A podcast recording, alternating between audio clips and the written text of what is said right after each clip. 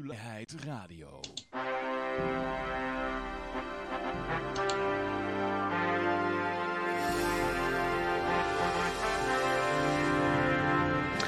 Ja, dames en heren, jongens en meisjes. Dit is weer een aflevering van Vrijheid Radio. Leuk dat u luistert. We zitten hier gezellig in Café Libertaria.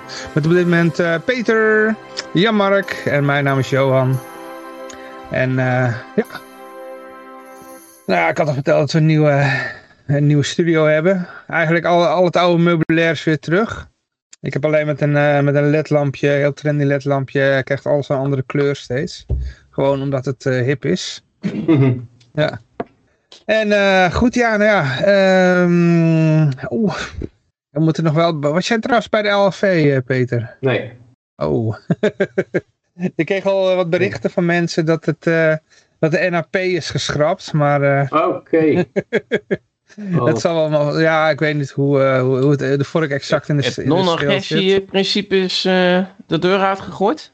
Nou, misschien klinkt dit heel dramatisch en kort door de bocht. Ik denk als je... Als, als, als, misschien zouden we echt Rick moeten vragen. afgeweken van het, uh, van het non-agressieprincipe. Een basisinkomen of een... Uh, ik, ik, ik denk dat als je Rick, of zo. als we het Rick zo zouden vragen, dan zou het uh, misschien wel meevallen. Maar ja, ik, weet het niet. Daarom, ik was er niet bij. En ja, ik had eigenlijk inderdaad nog iemand erbij willen halen die er wat over kon vertellen. Ja. Maar het is, het is er niet van gekomen. Je geen libertariërs die er zijn geweest? Nou, ik hoorde het van een libertariër die er wel was mm. geweest. Dus, uh, Ai. Ja. Maar dan gaat het een beetje bergafwaarts als ik het zo hoor. Ja, en ik kreeg ook nog mails van de, van de Mises Causes. Ik weet niet of jullie die hebben gelezen. Nee. Uh, ze hadden een strategie uh, en daar kon je dan op reageren. Het punt was alleen de datum dat je, dat, dat, dat je zeg maar kon reageren. Was eigenlijk al op het moment dat je die mail binnenkreeg was je al te laat om te reageren. Zeg maar. Was de deadline al verstreken. Of een amendement, amendement in te voeren, zeg maar. Ja. Maar goed, uh, ze zijn, uh, vrij wapenbezit, dat uh, zijn ze niet over uit. Non-agressie-principe is de deur uit. Is kapitalisme nog wel oké? Okay, of, of dat, dat, dat, dat, woord, dat, dat, is een vies woord, ja. Oh. ik denk dat het tijd is om mijn eigen libertarische partij te beginnen. maar ja, zeg. Ja, libertarische partij is weer beschikbaar, geloof ik. Ja, dat zei ik al. dan noemen we het gewoon de libertarische partij of zo. Ze hebben nog geen grote foto van Marx opgehangen. Dat, dat, dat, dat, dat is de volgende keer of zo. Ja. Ik denk, ik ga kijken of volgende week even iemand van de LP even erbij kan halen. Die het even, even kan uitleggen hoe de vork in de steel zit. Ja. Er zal vast wel een, een uh, het zal vast, uh, de, de soep zal niet zo heet zijn ja, als die opgediend wordt of zo. Als ergens iets laten vallen en zeggen, ja, vrij wapenbezit is niet toegestaan. Dan hebben ze het NAP laten vallen, want dat betekent dat je agressie gaat gebruiken ja. tegen mensen die een wapen willen kopen. Ja, dus, precies. Uh, ja. Ja, algemeen. Hm. Ja, en als je zolang je belasting niet vrijwillig wil, hm. dan doe je eigenlijk ook al niet aan NAP. Inderdaad. Nee. Want, want dat is afpersing. Je zou eigenlijk moeten zeggen, eigenlijk eh, los je eigenlijk alle problemen op als je alleen één standpunt hebt. Belasting moet vrijwillig. Dan kan iedereen, uh, zeg maar, centrale beslissingen defunden. Dat je zegt van, uh, ja. Weet je wat, jongens? We, we, praten nu eigenlijk over iets waar we niet bij waren. Inderdaad. Uh, zullen we gewoon kijken of volgende week even iemand erbij ja, kunnen halen die er wel bij was. nou ja, Johan. Johan, uh, kijk, het punt is, ze wouden een basisinkomen van 1200 euro of zo. Uh, volgens mij was het een basisinkomen van 0 euro, was het toch? Of? Uh, ik dacht dat, dat ze gewoon ze wouden van alle huursubsidies en alle subsidies en ja, alle dat, dingen. Dat, ja, ja, overal af. En daar in plaats van een basis komen, dacht iets van oh. 1000 euro, 1200 euro. Dat was de vorige keer, vorige verkiezingen. Oh, dat heb ik niet meegekregen. nou, dat zei Rick ook volgens mij bij jou in de uitzending. Maar goed, uh, het punt is, dan, dan zul je, of het moet van gasinkomsten komen. Ja, uh. Maar anders moet het van belasting komen, denk ik, toch? Ja. Want waar komt dat geld vandaan? Er wordt trouwens in de chat gereageerd door JEF, van hem hoorde ik het. Ik, ik kan het net niet lezen, joh. het verkiezingsprogramma is minarchistisch. Lees het zelf maar. Je hebt het per e-mail gekregen. Ja, uh. ja, het punt wat ik wil maken van is, is dat, dat je dan belasting nodig hebt. En dan, dat is afpersing. En dat is eigenlijk al tegen het NAP. Tenzij je uh, iets doet met uh, dat je zegt van oké, okay, uh, dat, dat, dat gas wat in de grond zit is eigenlijk van alle Nederlanders. Omdat het, het zit in Nederland. Als je zo'n filosofie maakt en dan, dan moeten wij daar wat van hebben. En dan zou dat naar het Nee, basisinkomen maar als moeten. je, Maar daar, daar, ben je ik het al, daar ben ik het als al je niet mee eens. vrijwillige hè. basis eh, eh, belasting doet, maar je hebt nog wel een groepje mensen die mensen hun eh, wapens gaat afnemen met geweld. Dan is het nog steeds de NAP Mhm. geschonden, ondanks dat, eh, dat, eh, dat er geen belasting gegeven wordt. Omdat je geweld En gaat dat- gebruiken om. Nou, vrijwillige belasting niet is, de belasting. is, is wel maar, NAP. Maar als je dan daarbij zegt, en we gaan de wapens afnemen van mensen, Mhm. dan, eh, eh, dan schend je daarmee het NAP. Want om wapens af te nemen heb je geweld nodig. Mhm. Ja, dat klopt. Maar over dat gas, ik bedoel, dat gas is eigenlijk van degene die er bovenop wonen. Ja, dan zou je kunnen Hm. zeggen van er zijn nog steeds wetten. Want als je, alhoewel, ja, ik bedoel, als, als je als inbrekers of verkrachters eh, wil oppakken, moet je dat ook. Ja, maar met- dat is met- geen agressie, omdat zij begonnen zijn met het... Ja, zij zijn begonnen dan, ja. Ja, zwaar. Hm. Maar ja, dan ehm, ja, zijn er ook regels dan. Gewoon tegen geen moord en diefstal en contract, contractbreuk. Hè? Dat, daar kan je tegen optreden zonder dat het agressie is. eh, omdat dan de e- eerste agressie gebruikt is. Als iemand gewoon een wapen wil kopen of drugs of prostitutie. Dan eh, als je daar tegen optreedt, ook als je dat niet eh, gefinancierd hebt via belasting, is het nog steeds een, eh, een nat... Maar ik vraag me af, want, want kijk, eh, wat, wat, ja, ze, zijn, ze bestaan toch al een hele tijd, de, de, li- de Libertaire Partij, of Libertarische Partij ervoor, LP. Ja, vanaf de jaren negentig. Maar, maar eh, hoe kijken ze bijvoorbeeld dan te- tegen leerplicht aan? Willen ze dat dan ook vanaf? Goed is ja. wel, ja. Dat, dat, nog, dat nog wel. Ja, eh, we moeten het hele programma gaan lezen. Eh, nee, maar over dat gas, ik bedoel, dat, zelfs dat is niet van de overheid. Dat is gewoon van de mensen die er bovenop wonen. En die, eh, Ja, die, die hebben te bepalen wat ermee Ja, gebeurt. nou dat is een Eh, beetje moeilijk, omdat het gas loopt helemaal onder alles en iedereen door, hè? Van wie ja, is het nou maar-? Is Nou, dat van dan... degene die er bovenop wonen. Want die zitten ook met eh, gebakken peren als er te veel uitgehaald wordt. Krijg je aardbevingen, die hebben dan allemaal schade, weet je wel. Ja, dat klopt, ja. Ja. Maar eh, Dus eh, ja. Maar het hele punt is van eh, de, de, de, hoe, hoe Nederland in elkaar zit. Dan is eigenlijk alles is van de koning. En, eh, en dan hebben ze het over instituten koning. dan- hè? dan, dan zou je dus een systeem Ja. moeten hebben. Als, ik- probeer even mee te gaan met jou. Hè? Dus dan, dan heb je. Dus, dus- dus- dus- ik denk dat het een beetje lastig is, want die, die bellen die lopen heel raar. Mhm. Maar goed, iedereen die erboven woont dan. eh, die, die hebben allemaal een stukje van, van, van, dat, van die gasbel eigenlijk.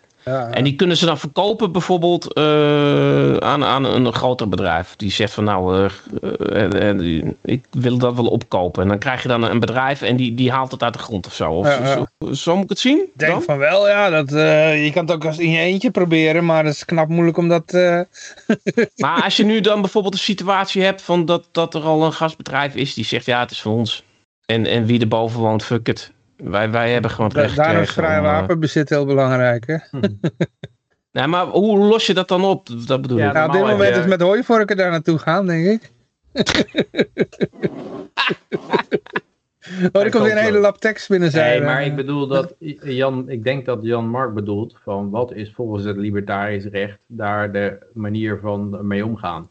Niet van hoe ga je ermee om nu de staat alles opge, eh, opgeëist heeft. Maar normaal krijg je natuurlijk dat dat gas ontdekt wordt door iemand. Dat wordt ontgonnen door iemand. En dat is dan de eigenaar.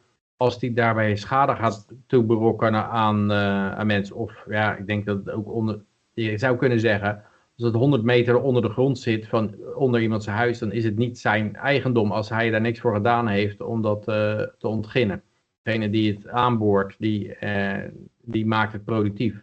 Ja, dat is wel grappig, want Johan zegt van wel. Ja. Ik, ik, Ja, maar het is niet zo, de- dat is wel eens vaker van hoe, hoe ver strekt je eigendomsrecht zich uit? Je hebt een huis gekocht bijvoorbeeld, eh, kan je zeggen, nou het luchtruim daarboven, dat is eh, voor mij, als daar een vliegtuig doorheen gaat, dan wil ik daar tol van vangen. Het is niet zo dat, daar, dat je dan automatisch alles erboven en eronder bezit, want dan zou je net zo goed alles links en rechts daarvan kunnen bezitten.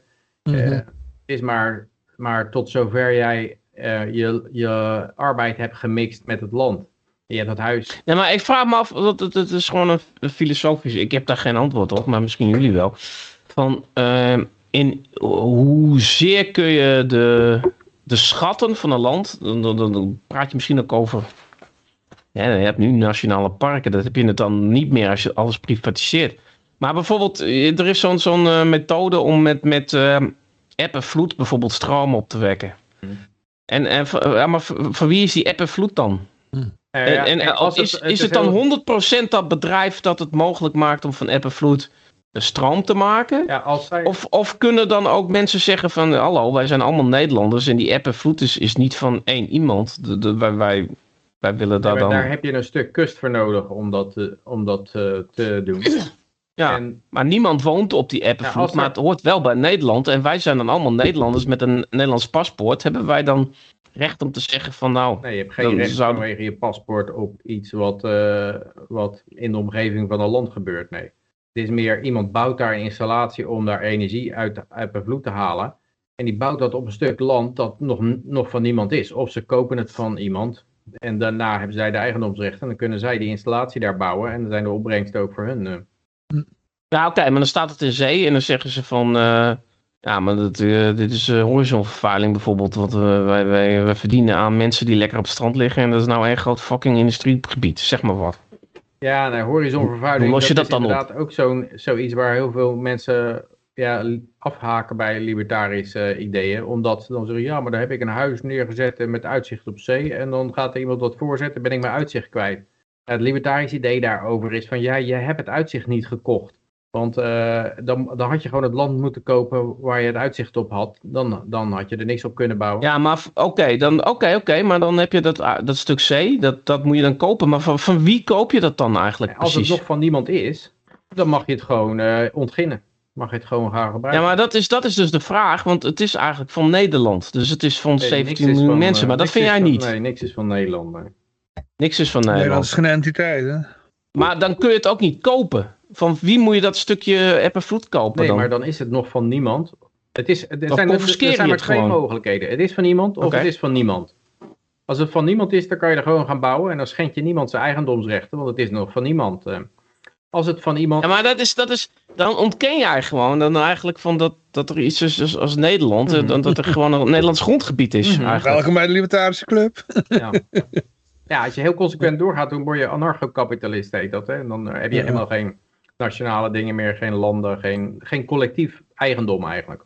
Hm. Dat is ook het hele verhaal met bijvoorbeeld de grensovergangen. Dan zeggen veel, veel libertariërs die zeggen, ja, gre- eh, grens mag je niemand tegenhouden. Dat is een NAP-overtreding. Eh, want ik, ik nodig gewoon een Mexicaan uit om bij mij te komen werken om mijn tuin te doen. En, en wie zijn jullie om dat eh, tegen te houden? Het is geen privégrond. Er zijn er sommige libertariërs, eh, ja, bijvoorbeeld eh, ja, Hoppe is daar ook een eh, voorstander van, die zegt van ja, in principe de, de ultieme uitkomst is alles is privébezit en dan gaat alleen de privé-eigenaar, die gaat erover wie er op zijn land komt en wie niet. Eh, maar zolang dat niet zo is, zolang er grond is van de staat, dan moet die staat dat beheren alsof ze eh, de beste belangen van de onderdanen voor hebben. Dus bijvoorbeeld een, een publieke bibliotheek zou er niet zijn in een libertarische maatschappij, een openbare bibliotheek. Maar aangezien die er wel is, dan, dan mogen zij best daar eh drugsspuiters uitweren. O- Omdat, eh, omdat een private eigenaar dat bijvoorbeeld ook zou doen. Die zou ook geen drugsverslaafden in de bibliotheek willen laten Oké, maar dan, eh, je hebt een nationaal park en dat is dan van de staat. Maar dat, dat kan gekocht worden. Maar waar gaat het geld heen? Dat gaat dan naar de Ja, staat. kijk, de staat heeft dat origineel ook eh, heeft maar verklaard dat dat van hun was, een nationaal park. Eh, dat betekent Ja. niet dat het van hun is. eh. het is min, Ja, maar voor wie is het dan wel? Waar moet het geld heen als iemand zegt van nou oké, dan, dan, dan nee, maar je, koop ik de het, je Veluwe. kan het niet kopen van de staat, want ze zijn niet de rechtmatige eigenaar. Je, Ja, maar je ook- kan oké, gewoon- maar je ook kan er kan gewoon het je dan wel- gaan bouwen, je kan je gewoon door je huis gaan bouwen en de staat Ja, maar dan, niks. dan moet je het kraken. Dus zeg gewoon van het is niet van hun, want de staat bestaat niet. Ja. Dus ik kan het gewoon jatten. Of, Ja. dan, Nee, Maar niet, hè? Nee, dan is het niet jatten, want het, het is niet van hun. Dan kan je ook niet jatten. ja, maar het is ook niet van jou. Want wat als jij, als stel je hebt als een het van niemand is, dan mag je er gewoon op gaan wonen. als je, als het, als ja, jij zegt als het van de staat is, is het van niemand. Maar er zijn heel veel mensen die wandelen daar, die vinden het leuk en die, die willen een hond uitlaten en die hebben de lol. En dan is er één iemand die zegt, Peter, die zegt dan van, eh, ja, het is van de staat, dus van niemand, dus eh, nu is het allemaal voor mij. Nee, ik heb mijn vlaggen neergezet en, eh, en fuck it. En eh, dan kan je iedereen er ook van aftrappen die daarvoor er lekker aan het lopen was en zo. Nee, dat is, ja, dat is Locke, eh, de filosoof Locke zijn idee van een, een gebied is, wordt je bezit als je je labor mixt met het land. Dus als jij, je, als jij het ontgint, zeg maar. Dus als jij daar in het, in het natuurpark een akker gaat neerzetten en je gaat daar voedsel verbouwen, dan heb jij, heb jij daar, heb je dat productief gemaakt en dan is het jouw uh, bezit geworden. Als het daarvoor ja, nog maar dan, kan ik dus dan, dan, ga ik naar Veluwe, dan kap ik alle bomen. Die zijn dan van mij zogenaamd. Die, die, want die waren van Nederland. Het is een nationaal park of van de staat. Dan, koop ik, dan verkoop ik al het hout. En dan asfalteer ik het hele, hele Veluwe of zo, weet ik veel. Want dan slaat dan... En waarom zou je dat doen? Dat, eh, ik denk niet, nee, maar eh, ja, als jij kan zeggen van het is van de staat, dus het is van niemand, dan kan ik gewoon al dat hout verkopen. Dus. Want dan, dan, dan ben ik productief bezig. en daarna maak ik die het wil kopen, hè, die, die het wil kopen. En je zou dat kunnen doen. Je zou het ook als natuurgebied uh, kunnen, kunnen, Op dit moment gebeurt het ook, hè, maar dan, doet, nu doet Staatsbosbeheer het. Ja, nu doet Staatsbosbeheer het, dat klopt daar, maar goed. Nou, kijk, en dan die koningen, daar heb ik ook nog zoiets van, want dat komt een beetje op hetzelfde neer. Heel veel, heel veel, heel veel grond is van koningen nog steeds, of van, van mensen, maar die hebben het allemaal inderdaad ook allemaal gejat. Ja. En wat, wat doe je dan dan mee? Dan, dan, is het dan de, de brutaalste die zegt van ja, nu is het klaar, ja, uh, je hebt het gejat, nu jat ik het. Historisch gezien zou je eigenlijk, maar ja, dat is moeilijk terug te draaien. Eigenlijk moet je zeggen van wie hebben ze het gejat? En uh, nou, er woonden daarvoor, uh, zaten er een paar schaapherders of zo op. En dan moet je de, de nagezaten van die schaapherders zien te vinden. Die zouden dat geërfd hebben. En dan moet je het teruggeven aan... Uh, die, die zouden het niet ja, Dat wordt heel ingewikkeld. De, de, de nazaten van de indianen en de aboriginals... die moet je dan betalen. Dat, dat, is, dat wordt, dat ja. wordt een zootje. Ja, dat wordt... Dus het, eh, in principe moet je het van Willem-Alexander kopen, het lo.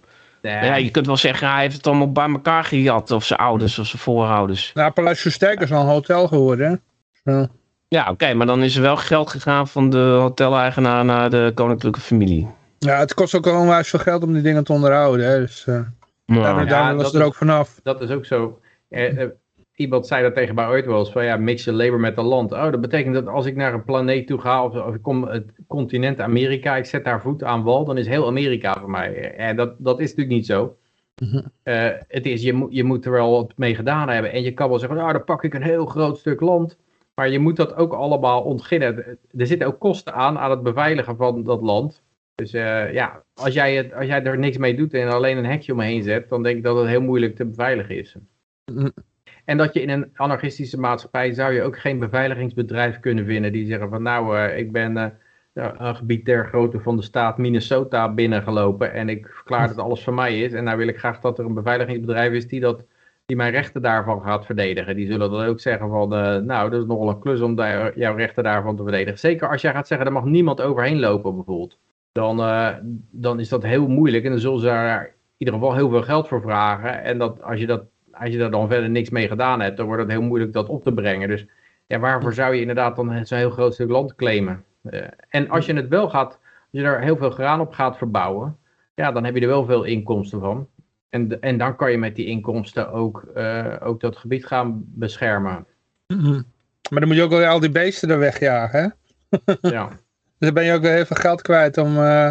Ja, maar goed, het, is, het is dan... Uh, kijk, als, als die filosofie nooit klopt dat er Nederlanders bestaan... Dus dat je zeg maar de, de Veluwe dan van de Nederlanders koopt... Dan koop je het gewoon van... Dan moet je geld brengen naar de staat. Of ruzie gaan maken met die staat, wat waarschijnlijk nog duurder is. Als je zegt, van ik claim die Veluwe, ik hak wat bomen om en ik uh, zet er wat akkerbouwgrond. En volgens mijn libertarische uh, anarcho-kapitalistische filosofie is het dan van mij. Ja, dan moet je oorlog gaan voeren, want, want dat accepteren ze niet. Zijn, dat is dan nog zijn, duurder. Er zijn, er zijn twee dingen. Anders, van wie is iets volgens libertarische principes eigendom? En hoe ga je met de hm. huidige situatie om waarin er een aantal grote dieven wonen die grote stukken land geclaimd hebben? Dat, dat zijn twee verschillende dingen dat je, dat je niet libertarisch kan leven, dat is wel duidelijk. Eh, zelfs een libertarische partij kan niet libertarisch uh, partijprogramma maken. Uh, want je zit nu eenmaal met een hele hoop mensen die vastzitten in dat paradigma van de staat. En uh, ja, de koning bezit al het land. of, of Jan, Mark Rutte bezit al het land. Ja. Dus ja, dat, maar dat, dat, zijn, dat zijn twee verschillende vragen. En, en de vraag hoe ga je het beschermen is ook weer een aparte vraag. Overigens is het wel zo dat de laatste decennia heeft uh, Nederland heel veel uh, natuurgebieden verkocht. Hè? Dus, uh, aan wie? Sommige, nou, aan degene die het wilde hebben. Natuurbescherming. nee, nee, nee. Er zijn, er zijn heel veel stukken, dat zijn, gingen gaan om kavels. Die zijn gewoon of aan boeren verkocht of aan um, particulieren gewoon verkocht. Hmm. Hebben het ja, ik weet dat de, bijvoorbeeld de, de overheid van Hongkong, die verkoopt ook land. Want die hebben hele lage belastingen. Ze hadden hele lage belastingen. Mhm. En dan vroeg ik wel eens van, ja, hoe financieren ze dan hun overheid? Ze hebben nog wel een overheid. Mhm. Dat wordt dan gedaan door landverkopen. En Ja. grondprijs is heel duur, heel hoog. Dus dan daar we behoorlijk wat geld mee binnenhalen. Hoewel het Ja, wel ja. een eindig verhaal is, of ze moeten in de zee gaan. eh, gaan eh, Ja, het probleem is met de overheid dat ze gewoon eh, particuliere instanties gewoon eh, eigenlijk min of meer gekocht of omgekocht hebben door subsidie. Kijk, je had vroeger natuurmonumenten.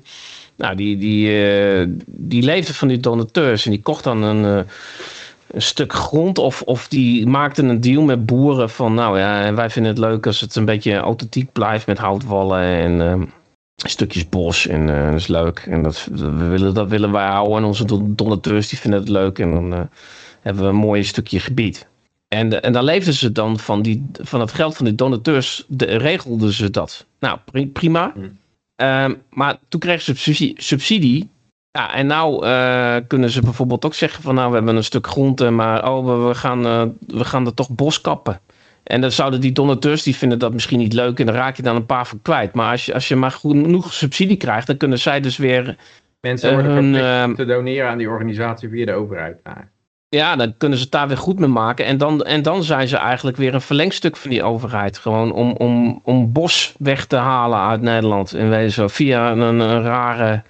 Snap je? Die, die, ze zijn gecorrumpeerd geworden. Die, die, eh, want het idee is natuurlijk fantastisch. Je hebt geen natuurgebieden meer van de staat, maar gewoon allemaal van clubs waar je gewoon, eh, ja, als je zegt van nou hier doe ik geen zaken meer mee, doe ik geen zaken meer mee. Als je ja, ergens als, als geen die, zorgen over hoeft te maken, is het denk ik wel natuur. Want er zijn zoveel mensen die om de natuur geven. Iedereen schreeuwt van de daken dat hij de planeet wil redden. En, en de natuur en de, en de zeehondjes en zo.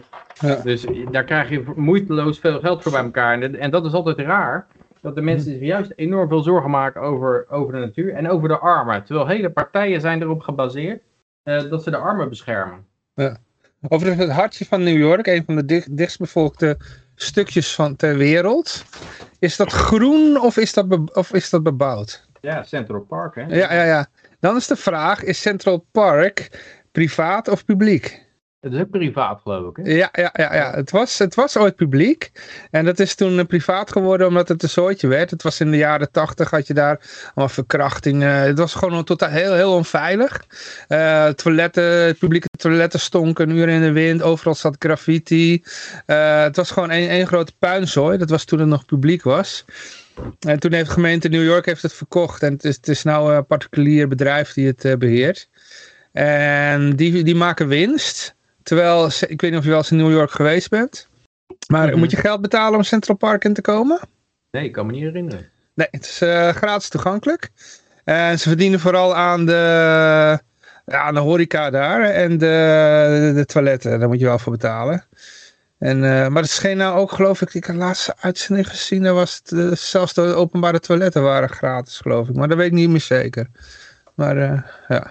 Ja, het is Nou, maar goed, het- het- er is wel een, een eh, concurrentie aan de gang van de overheid tegen eh, dat soort eh goede private in- eh, instituten. Eh, en, en, en, dat is, en die kunnen dat dan weer doen met afgeperst geld. Snap je? En dat is, dat is vervelend. Ja. Die kunnen dan. eh, Ik vond dat vroeger het spel van SimCity altijd wel verhelderend. Er had er wel een goed model in zitten. Dan moest je een, eh, een stad bouwen. En dan, eh, ja, jij was zeg maar de, de centrale planner van die stad. Maar als je dan helemaal geen parken neerzette, dan wilden mensen er niet wonen. Dus dan zakte die, die, eh, die waarde van die huizen in elkaar.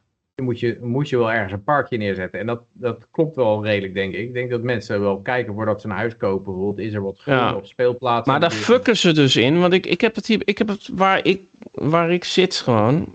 Hebben ze dus. eh, hadden ze een natuurgebied. En dat, en, dan, en dan wordt dat gewoon gemarkeerd als, als eh, natuurgebied. En, en de mensen die, die kopen daarvoor verschrikkelijk veel geld aan een huis. Want die weten dan, ze zitten gegarandeerd aan een natuurgebied, Hmm. denken ze. En het is zo'n Ja. ontzettend belangrijk natuurgebied. dat ze zelfs alle boeren daaromheen hebben weggekocht. om die kwetsbare natuur te beschermen. Ja, Dat is, maar, die, en, en, maar wat doen ze dan? Dan bouwen ze natuurlijk huizen op die, eh, nogal duur zijn. Op die, eh, op die voormalige landbouwgrond. En als laatste pakken ze dan die verschrikkelijke kwetsbare natuur natuurlijk. Mhm. Die jakkeren ze ook vol. Ja, want eh, En dan, en dan krijg je al die protesten van, hè, wacht eens even, maar dit, dit was aangemerkt als natuur. Dit zou er nog een eeuw of, of, of wat blijven liggen, weet je wel. Dat was, dat niet was beloofd.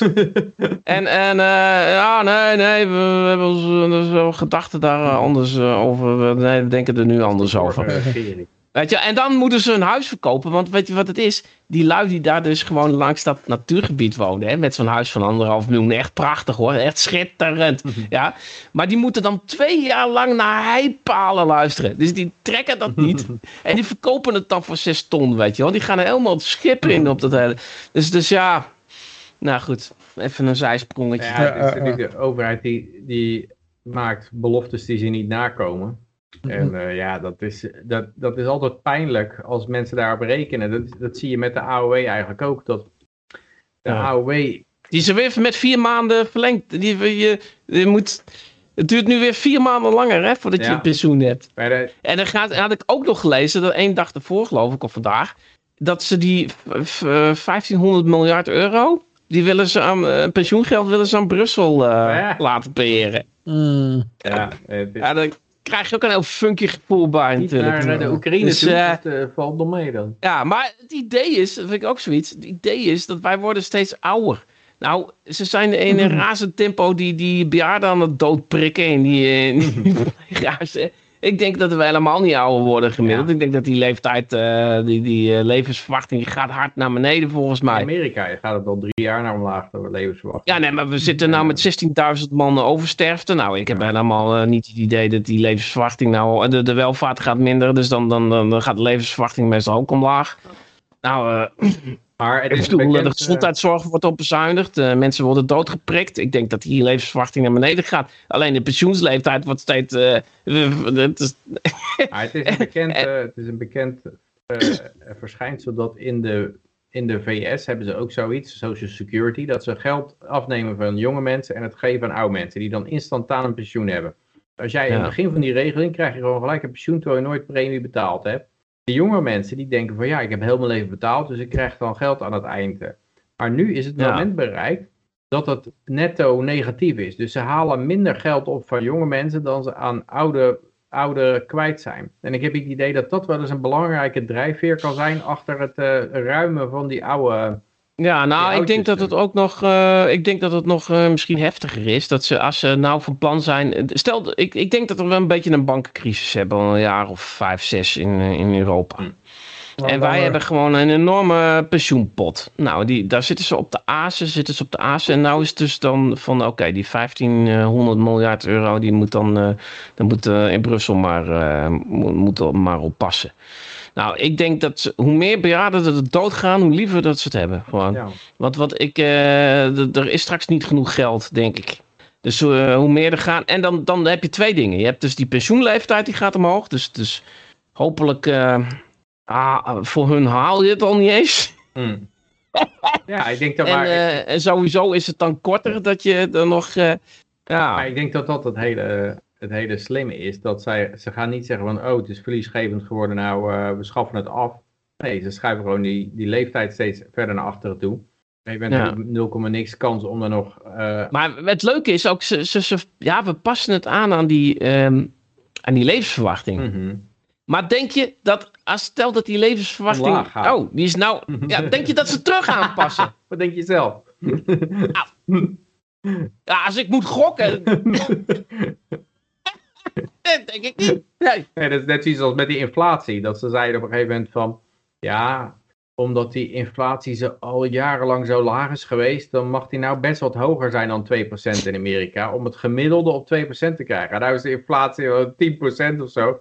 Oh, ga je nou ook zeggen dat die inflatie weer de hele tijd nul moet zijn, omdat die 10% is geweest voor een paar jaar? Ah, eh, ik Ja. denk het niet. Ik denk dat die eerder 20% is. eh, de officiële cijfers zijn 10%. Ja. Dan denk ik. ja. Maar jongens, ehm, Oh, ja, we zijn nog steeds niet met eh Nieuws. eh. zijn niet goud, begonnen. goud, zilver, bitcoins, eh, de- dat moeten we nog over hebben. JF zegt nog wat. Het gas en de voor- en nadelen is van de mensen die de arbeid verrichten om het eruit te halen. Ze kunnen het Ja, ja, verkopen, ja, ja. maar zullen schade moeten compenseren. Nederland bestaat niet, homesteading heet dat. Ja, ja. JF is een echte purist. Ja, ja, ja. ja. Maar ehm, ja, we hadden sowieso, eh, ja, je, kunt nog meedingen aan, eh, aan de EFL-regen. Eh, als je de wallet nog niet hebt, komt hier het adres waar je kunt wezen. Hier is de e-guldenregen. Eh, wil je e-guldens eh, hebben? Want vo- vorige keer had niemand het gewonnen, geloof ik, hè? Dus ehm, we zien nou een, een lichaam lopen zonder hoofd. Oh. Ehm, vorige keer had niemand het gewonnen, meen ik me te herinneren. Dus gaat de prijs door naar deze week. Dus dan krijg je niet 20, maar 40 e-guldens. Dus uh, ja, gewoon uitroepteken Rompel in de chat. En dan, uh, en dan moet je wel op Twitch zitten uiteraard. En even kijken. Ja, dan gaan we naar... Uh, oh, hier, ja, naar de... Ja, heel veel bitcoin. We zijn nog nooit... Het heeft nog nooit zo lang geduurd voordat we de uitzending nou. Zijn begonnen, eigenlijk. Nou, ik weet, ik weet nog wel in het verleden, we konden ook behoorlijk doorlullen. Maar geen technische probleem. Ja, ja, ja. ja. ja precies. Misschien zijn dit wel de interessantste stukken van de hele uitzending. Hè? De freewheelen. ja, ja, ja, uh, goed, ja, dan gaan we even naar... Uh, dit is uh, Bitcoin. Ja, die zit in een vrije val naar beneden. dus nou op... Het met een vrije val, hè, dat die naar beneden gaat. Ja, ja, ja. Nou, behalve bij Joe, behalve bij over... Joe Biden, die, die valt omhoog. Gaan we het daar nog over hebben? Of mag je gelijk wat zeggen? Ja, het eerste berichtje gaat over, over de mogelijke oorzaak. Nou, okay. Dus daar gaan we het zo over hebben. Dan kunnen we speculeren waarom die viel. Maar hij staat nu uh, onder de 1700, uh, sorry, 17.000 eurotjes. Hier staat die 16, uh, ja, net, net, net geen, nog een paar euro. Dollar na staat hij niet op 17.000. goud hebben we ook nog. Even kijken, is het goud of olie? Dit zal olie zijn. Even kijken hoor, olie staat op 86,17. ruwe olie per vat. En dan hebben we hier nog goud. Even kijken, oh die moet nog laden. Goud staat op 1706 dollar, 60 cent per Trojaans. En die is, ja, ja die, die swingt, een beetje, swingt een beetje op en neer. Ja. ja, het zijn goede tijden voor Peter Schiff. Bitcoin omlaag, goud omhoog. ja, hartstikke blij denk ik. Ja, ja ik even DXY nog even erbij halen. Um, maar die staat op 110 geloof ik. Ja, 110,45. Dus, uh, Hoe doet de E-gulden het in dit vreselijke... Geen idee, geen idee. Even opzoeken. ja, dan moet je even, even, even opzoeken ergens. 4,6 uh, eurocent. Uh, is die ook omlaag gegaan? Ja, alles ging omlaag, hè? Hm. Dus, ja, dan komen we volgens mij ook bij het eerste berichtje. Um, ik ga even alles aan het wegklikken. Oh. Het eerste bericht gaat over de Binance. over de Binance. Crypto-reus Binance redt rivaal FTX van de ondergang. Als de deal doorgaat. Ik, ik begreep al dat de deal niet doorging, geloof ik. Oh, dat, is, uh, dat is de reden waarom het er weer opnieuw naar beneden aan het gaan is. Want, ja, die tokens toch gedumpt? Had ja, begrepen? Nee. Binance die zei dat ze een paar maanden gingen doen om al die tokens te dumpen. Maar ehm, ja, dat, uh, die tijd kregen ze niet, leek het. Zeker niet als je oh. dat aan gaat kondigen. Maar het is wel apart natuurlijk. FTX is de drie grootste exchange, begreep ik. En uh, ja, het is... Maar ja, die Sam Bankman-Fried, daar heb ik op zich niet zo'n affiniteit mee. Zo'n verenigde figuur die voor regulering vraagt en een bit-license en zo. Dus, en, en ja, op zich is het wel leuk dat, dat Binance die even naar de, achter, de afgrond overhelpt aan de andere kant, uh, ja, het vergroot niet het vertrouwen. In, ja, en ik dacht ook dat die FTX, die hadden ook bij de Super Bowl, hadden ze gewoon een heel stadion hadden ze naar zich vernoemd en zo. En dat is altijd een heel slecht teken. Ja, dat, uh, dus dat noemen ze de Super Bowl um, index of zo. Dat alle bedrijven die in de, in de top van de dotcom-bubbel waren het allemaal dotcom bedrijven die de Super Bowl uh, advertenties hadden. En nou waren het allemaal crypto, crypto bedrijven die de Super Bowl advertenties mhm. hadden.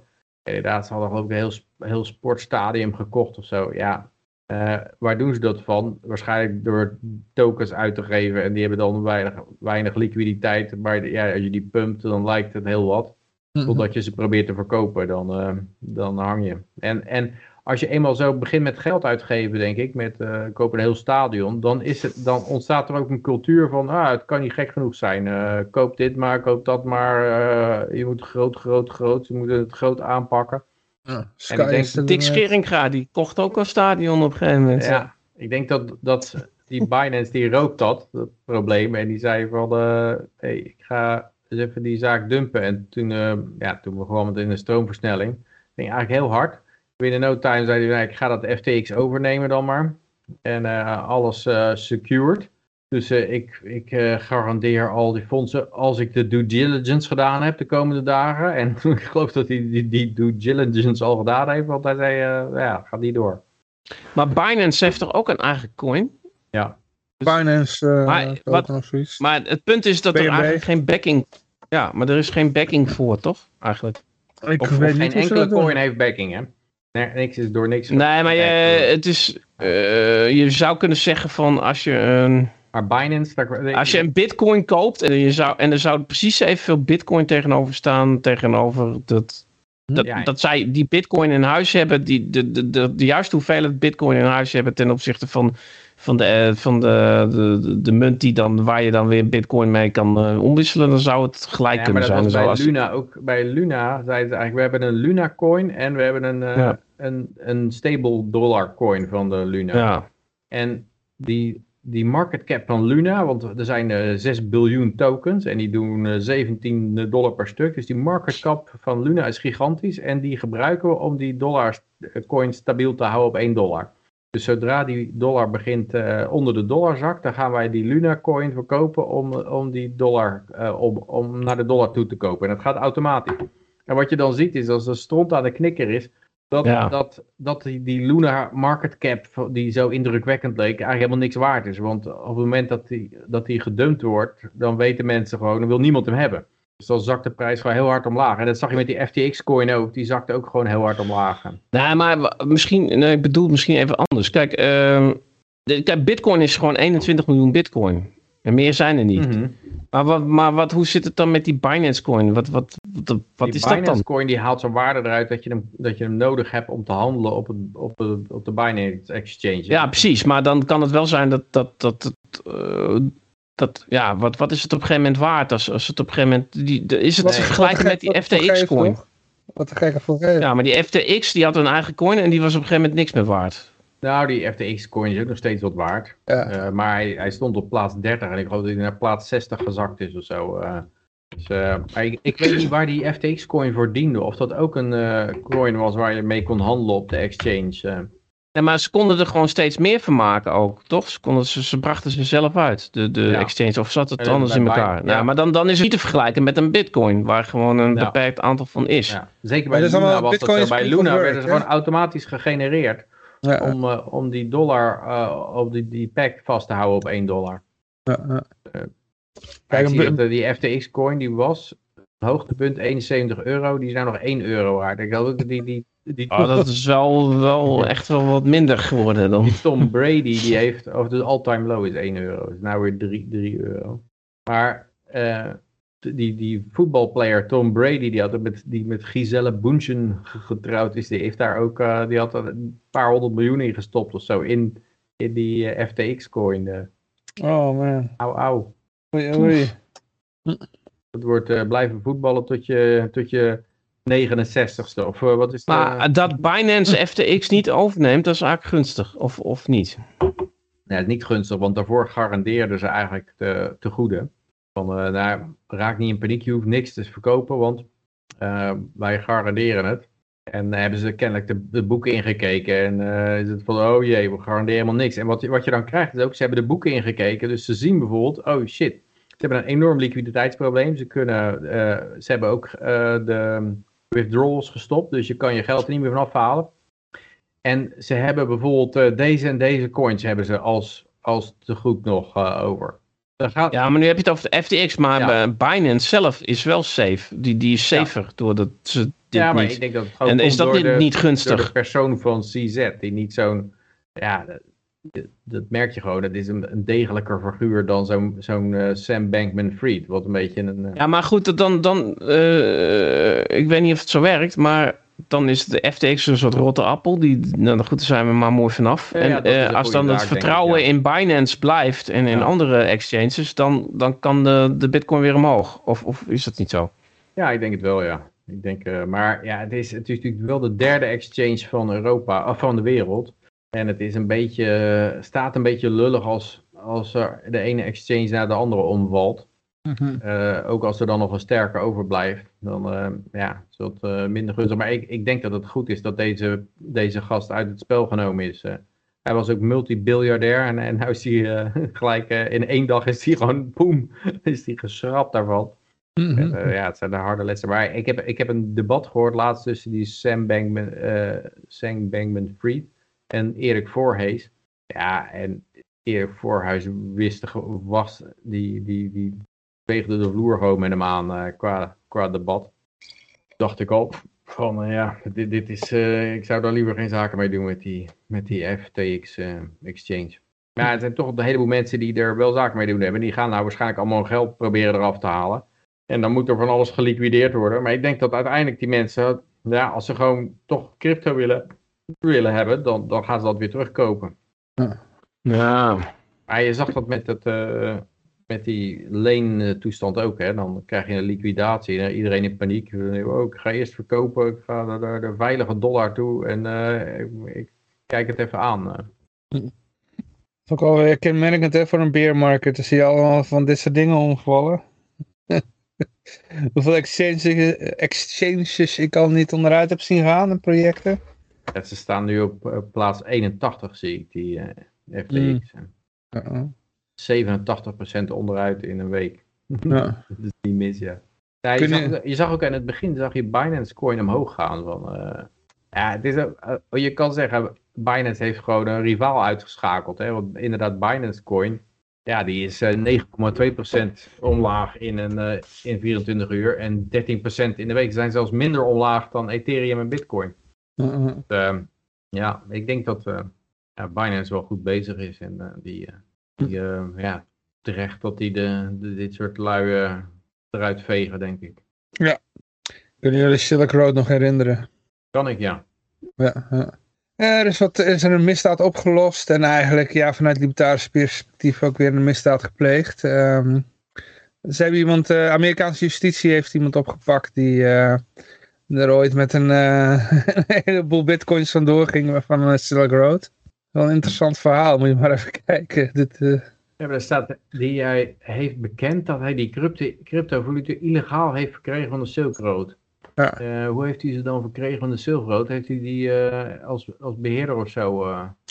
geen, dat staat niet bij hoe hij het exact heeft gedaan. Hij, staat ook, hij pleegt schuldig aan wire fraud. Eh, eh, Nou, is, dat, is dat heel verdacht altijd? Want in Amerika ook pleit schuldig. Dat wil niet zeggen dat iemand schuldig is. Hè? Dat is zo eh. ja, als je schuldig pleit, dan krijg je zoveel jaar in gevangenis en anders zoveel jaar. Oké, doe dan maar eh, schuldig. Maar dat wil niet zeggen dat hij ook eh, eh, ja, echt wat gestolen heeft. Maar er staat hier wel dat hij die 50.000 bitcoin heeft gestolen van de Silk Road. Waarna hij het, het middels meerdere transacties ontraceerbaar probeerde te maken. Hij sloeg het uiteindelijk op in wallet die hij in een kluis bewaarde op een single board computer onder een aantal dekens in een popcorn blikje. 50.000 bitcoin. in het een wordt nog mooier, het wordt nog mooier. Lees maar In een door. kast in de badkamer.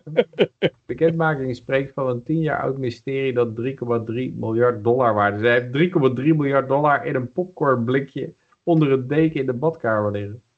Volgens mij zit het sowieso gewoon op de, op de blockchain. Dus eh, ja, hij had volgens mij ook gewoon de, de De sleutels. heeft eh, hij daar dan waarschijnlijk op staan. eh, ja, eh, denk het. Ik weet het Hij niet. vond ze bij een huiszoeking daar toch eh, 50.676 bitcoin aan. Maar ook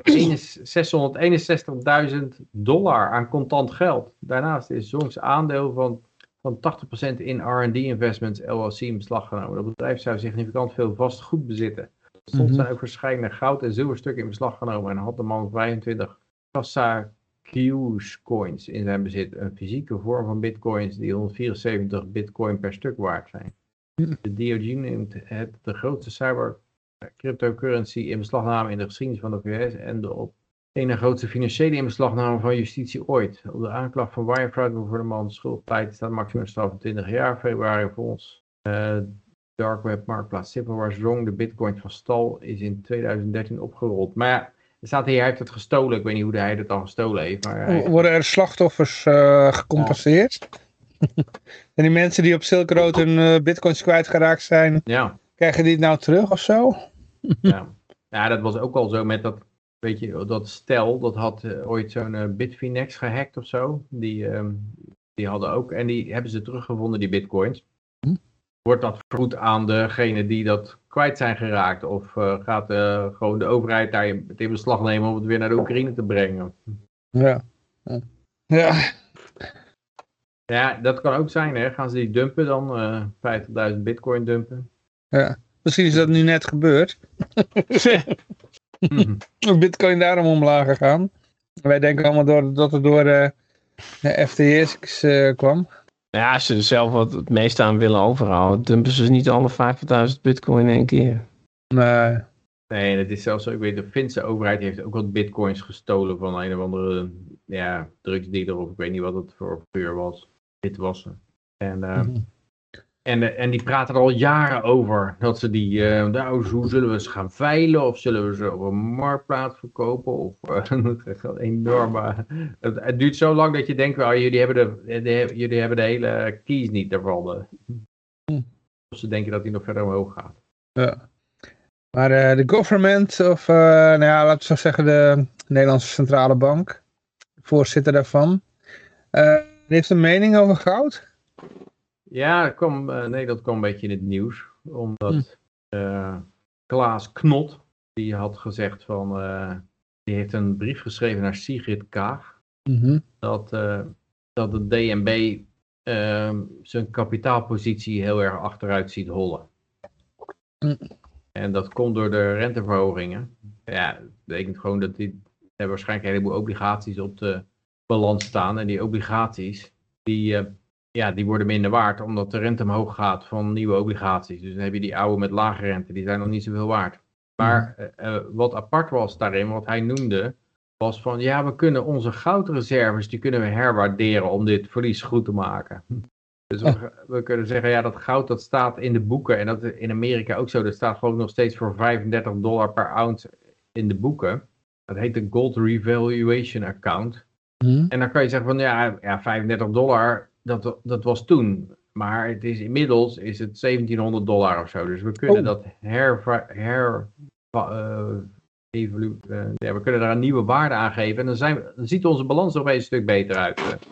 Mhm. Eh, ja, dat is wel apart dat hij goud naar voren bracht om, om als mogelijkheid om die centrale bank overeind te houden. En in Amerika is het overigens ook zo dat die centrale bank die positie verslechtert heel snel. En je kan zeggen, ja, ze hebben een geldpers, maar het punt is een beetje dat ze hebben ook heel veel geld, staat er geparkeerd van de gewone banken bij de centrale bank. De reserves. Dus die banken hebben een heleboel reserves geparkeerd bij de centrale bank en die krijgen, die krijgen daar rente van. En die rentekosten, dat is gewoon, die zijn ze gewoon uh, kwijt. De, Hmm. de centrale bank. Dus dat betekent dat, dat ja, voorheen, in, uh, ik weet in de VS werkt het zo dat als de centrale bank winst maakt, dan gaat die winst naar de overheid.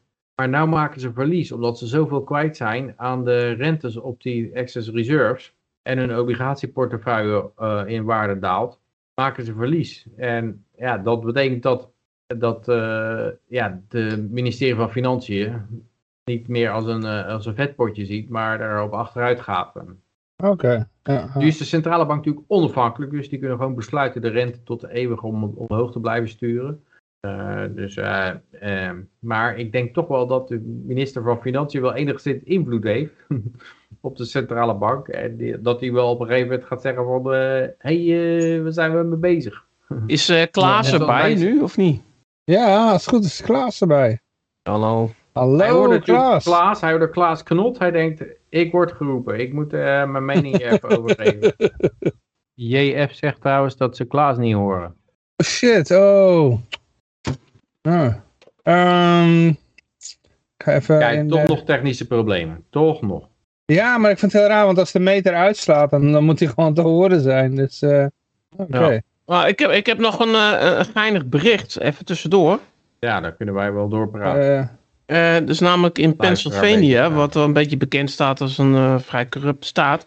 ja. Daar is een, een um, dode democratische state representative uh, uh, afgevaardigde gekozen.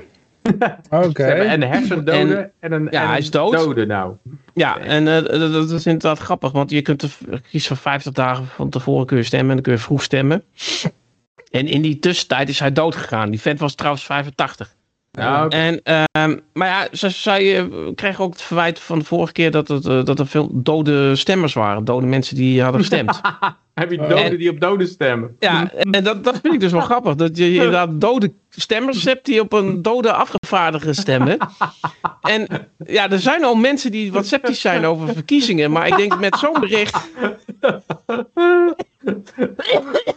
ja, Nou, Pim Fortuyn was ook dood, toch? Die kreeg ook een heleboel stemmen nog. ja, maar er waren levende mensen die op hem stemden. Hoop Ja. je wel. En er waren mensen die wisten dat hij dood was. Deze man is, is eigenlijk nog tussentijds dood gegaan. Hmm. Hè, er waren heel veel vroegstemmers. Of Ja, dode stemmers die vroeg ik denk- ik stemden. denk dat dat wel de toekomst is. Ze hebben nu natuurlijk seniele figuren die ze alles kunnen laten beweren. En dat, die zijn heel makkelijk te besturen. Als een soort, eh, je zet gewoon een teleprompter en eh, het, het, het rolt verder. Ja. Maar een dood iemand is misschien nog, nog een betere deal eigenlijk. ja, die kan ook geen blunders maken. Nee. Nee, die kan geen blunders, maar die kan niet de trap opvallen of zo. Nee, die flikkert niet van de trap af. Die gaat geen handen schudden met mensen die er niet zijn. En eh, ja, ik denk dat eh, inderdaad dat ideaal is. En eh, die democraten, die- ja, dat kan niet Hey, beter. jij, jij hebt zeg ik hoor Klaas. Ja, ja, ja. Ja, ze kunnen in ieder geval... Klaas eh, zegt niks. Dat is wel vrede. Dat is weer een technisch probleem. Want Klaas zegt nou niks. Dus als je wat Ja. hoort, als je Klaas hoort, dan eh, is het raar. nou, misschien dacht eh. hij dat het bericht van de doden van mij kwam. Maar het is, eh, ja. dan, dan kan hij hooguit iets wat hij in het verleden heeft gedaan, kan nog opspelen. Dus als hij in 2006 iets fouts heeft gezegd, dan... eh, En dat er een lijk uit de Ja, kast maar je kunt hem niet meer impeachen. Kun je iemand impeachen die lijk dood is? Kun je hem nog afzetten als hij dood is? Dat is, dat is het punt. Nee, Impeachen. Ja. ja, ik, ik, ik vraag me af, eh, moet, je, moet hij daar dan ook aanwezig zijn? Moet je hem op een of andere manier weer eh, tevoorschijn halen? Dat zou wel heel luguber worden.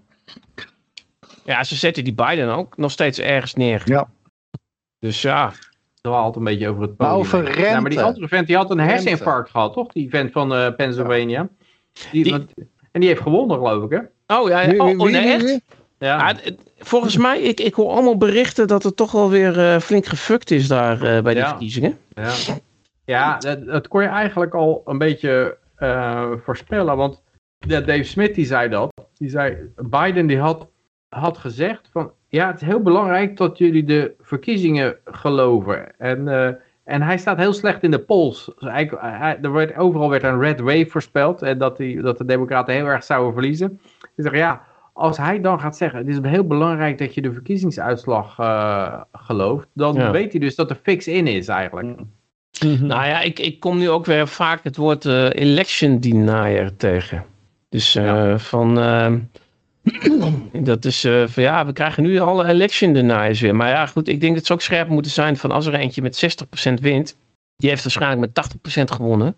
Dan moeten ze wel gewoon eh, ook, ook dan niet lui zijn en, en dat eh, proberen die fraude Ja, eruit ik te denk dat halen. ze Denk ik. Florida op hebben gegeven. Dat, nou oké, dat is een beetje het, eh, dat gaat niet lukken. Dit, Maar Arizona was nog een ding, geloof dit ik. heeft weer gewoon te maken dat je erover moet hebben. Dat, dat verkiezingen, dat, dat, is, Ja. dat is zeg maar... ik heb het vorige keer ook gezegd, maar het maakt niet uit wat je ervan vindt of wat je denkt. Het maakt niet uit of je verkiezingen gelooft. Maar het gaat erom dat je daarmee bezig bent. En dat zie je ook in Nederland. Ze willen eigenlijk eh, Ja. Eh, kijk, je wil eigenlijk niet dat je nadenkt van die verkiezingen zijn eigenlijk heel stomzinnig. Je gaat één keer in de vier jaar iets, eh, ga je stem uitbrengen. En die personen die doen toch niet wat ze hebben beloofd. Dus het is eigenlijk een hele rare, magere en ook in deze tijd totaal uit de tijd ouderwets iets is het. Maar als je daarover na gaat denken, dan uh, ja, dat, dat zou misschien nog tot een ongewenst resultaat kunnen leiden. Maar als je ja, het mooi even in die kampen kunt houden van uh, ja, het is ons tegen de, hun en niemand is te vertrouwen, ja, dan, ga je helemaal, dan vergeet je eigenlijk om na te denken over het feit dat het onzin is dat je naar die stembus gaat. En dat, dat doen ze heel goed. Ze verkopen heel goed dat product. Dat stem is eigenlijk een product dat wordt verkocht. Maar uh, je kunt bijvoorbeeld niet een stem uitbrengen van ik wil niet dat er meer baantjes worden gecreëerd waar je niet direct op kan stemmen. Want dat, daar zijn heel veel van die uh, overheden en uh, nauw verwante mensen zijn daarmee bezig. Hè. Je hebt nog wel dat stemproces en dat wordt zo weinig mogelijk moet je stemmen. Ze zijn ook, als je zeg maar, als er een crisis is waarbij mensen weer naar de stembus zouden moeten, dat is ook echt onwenselijke resultaat van een crisis.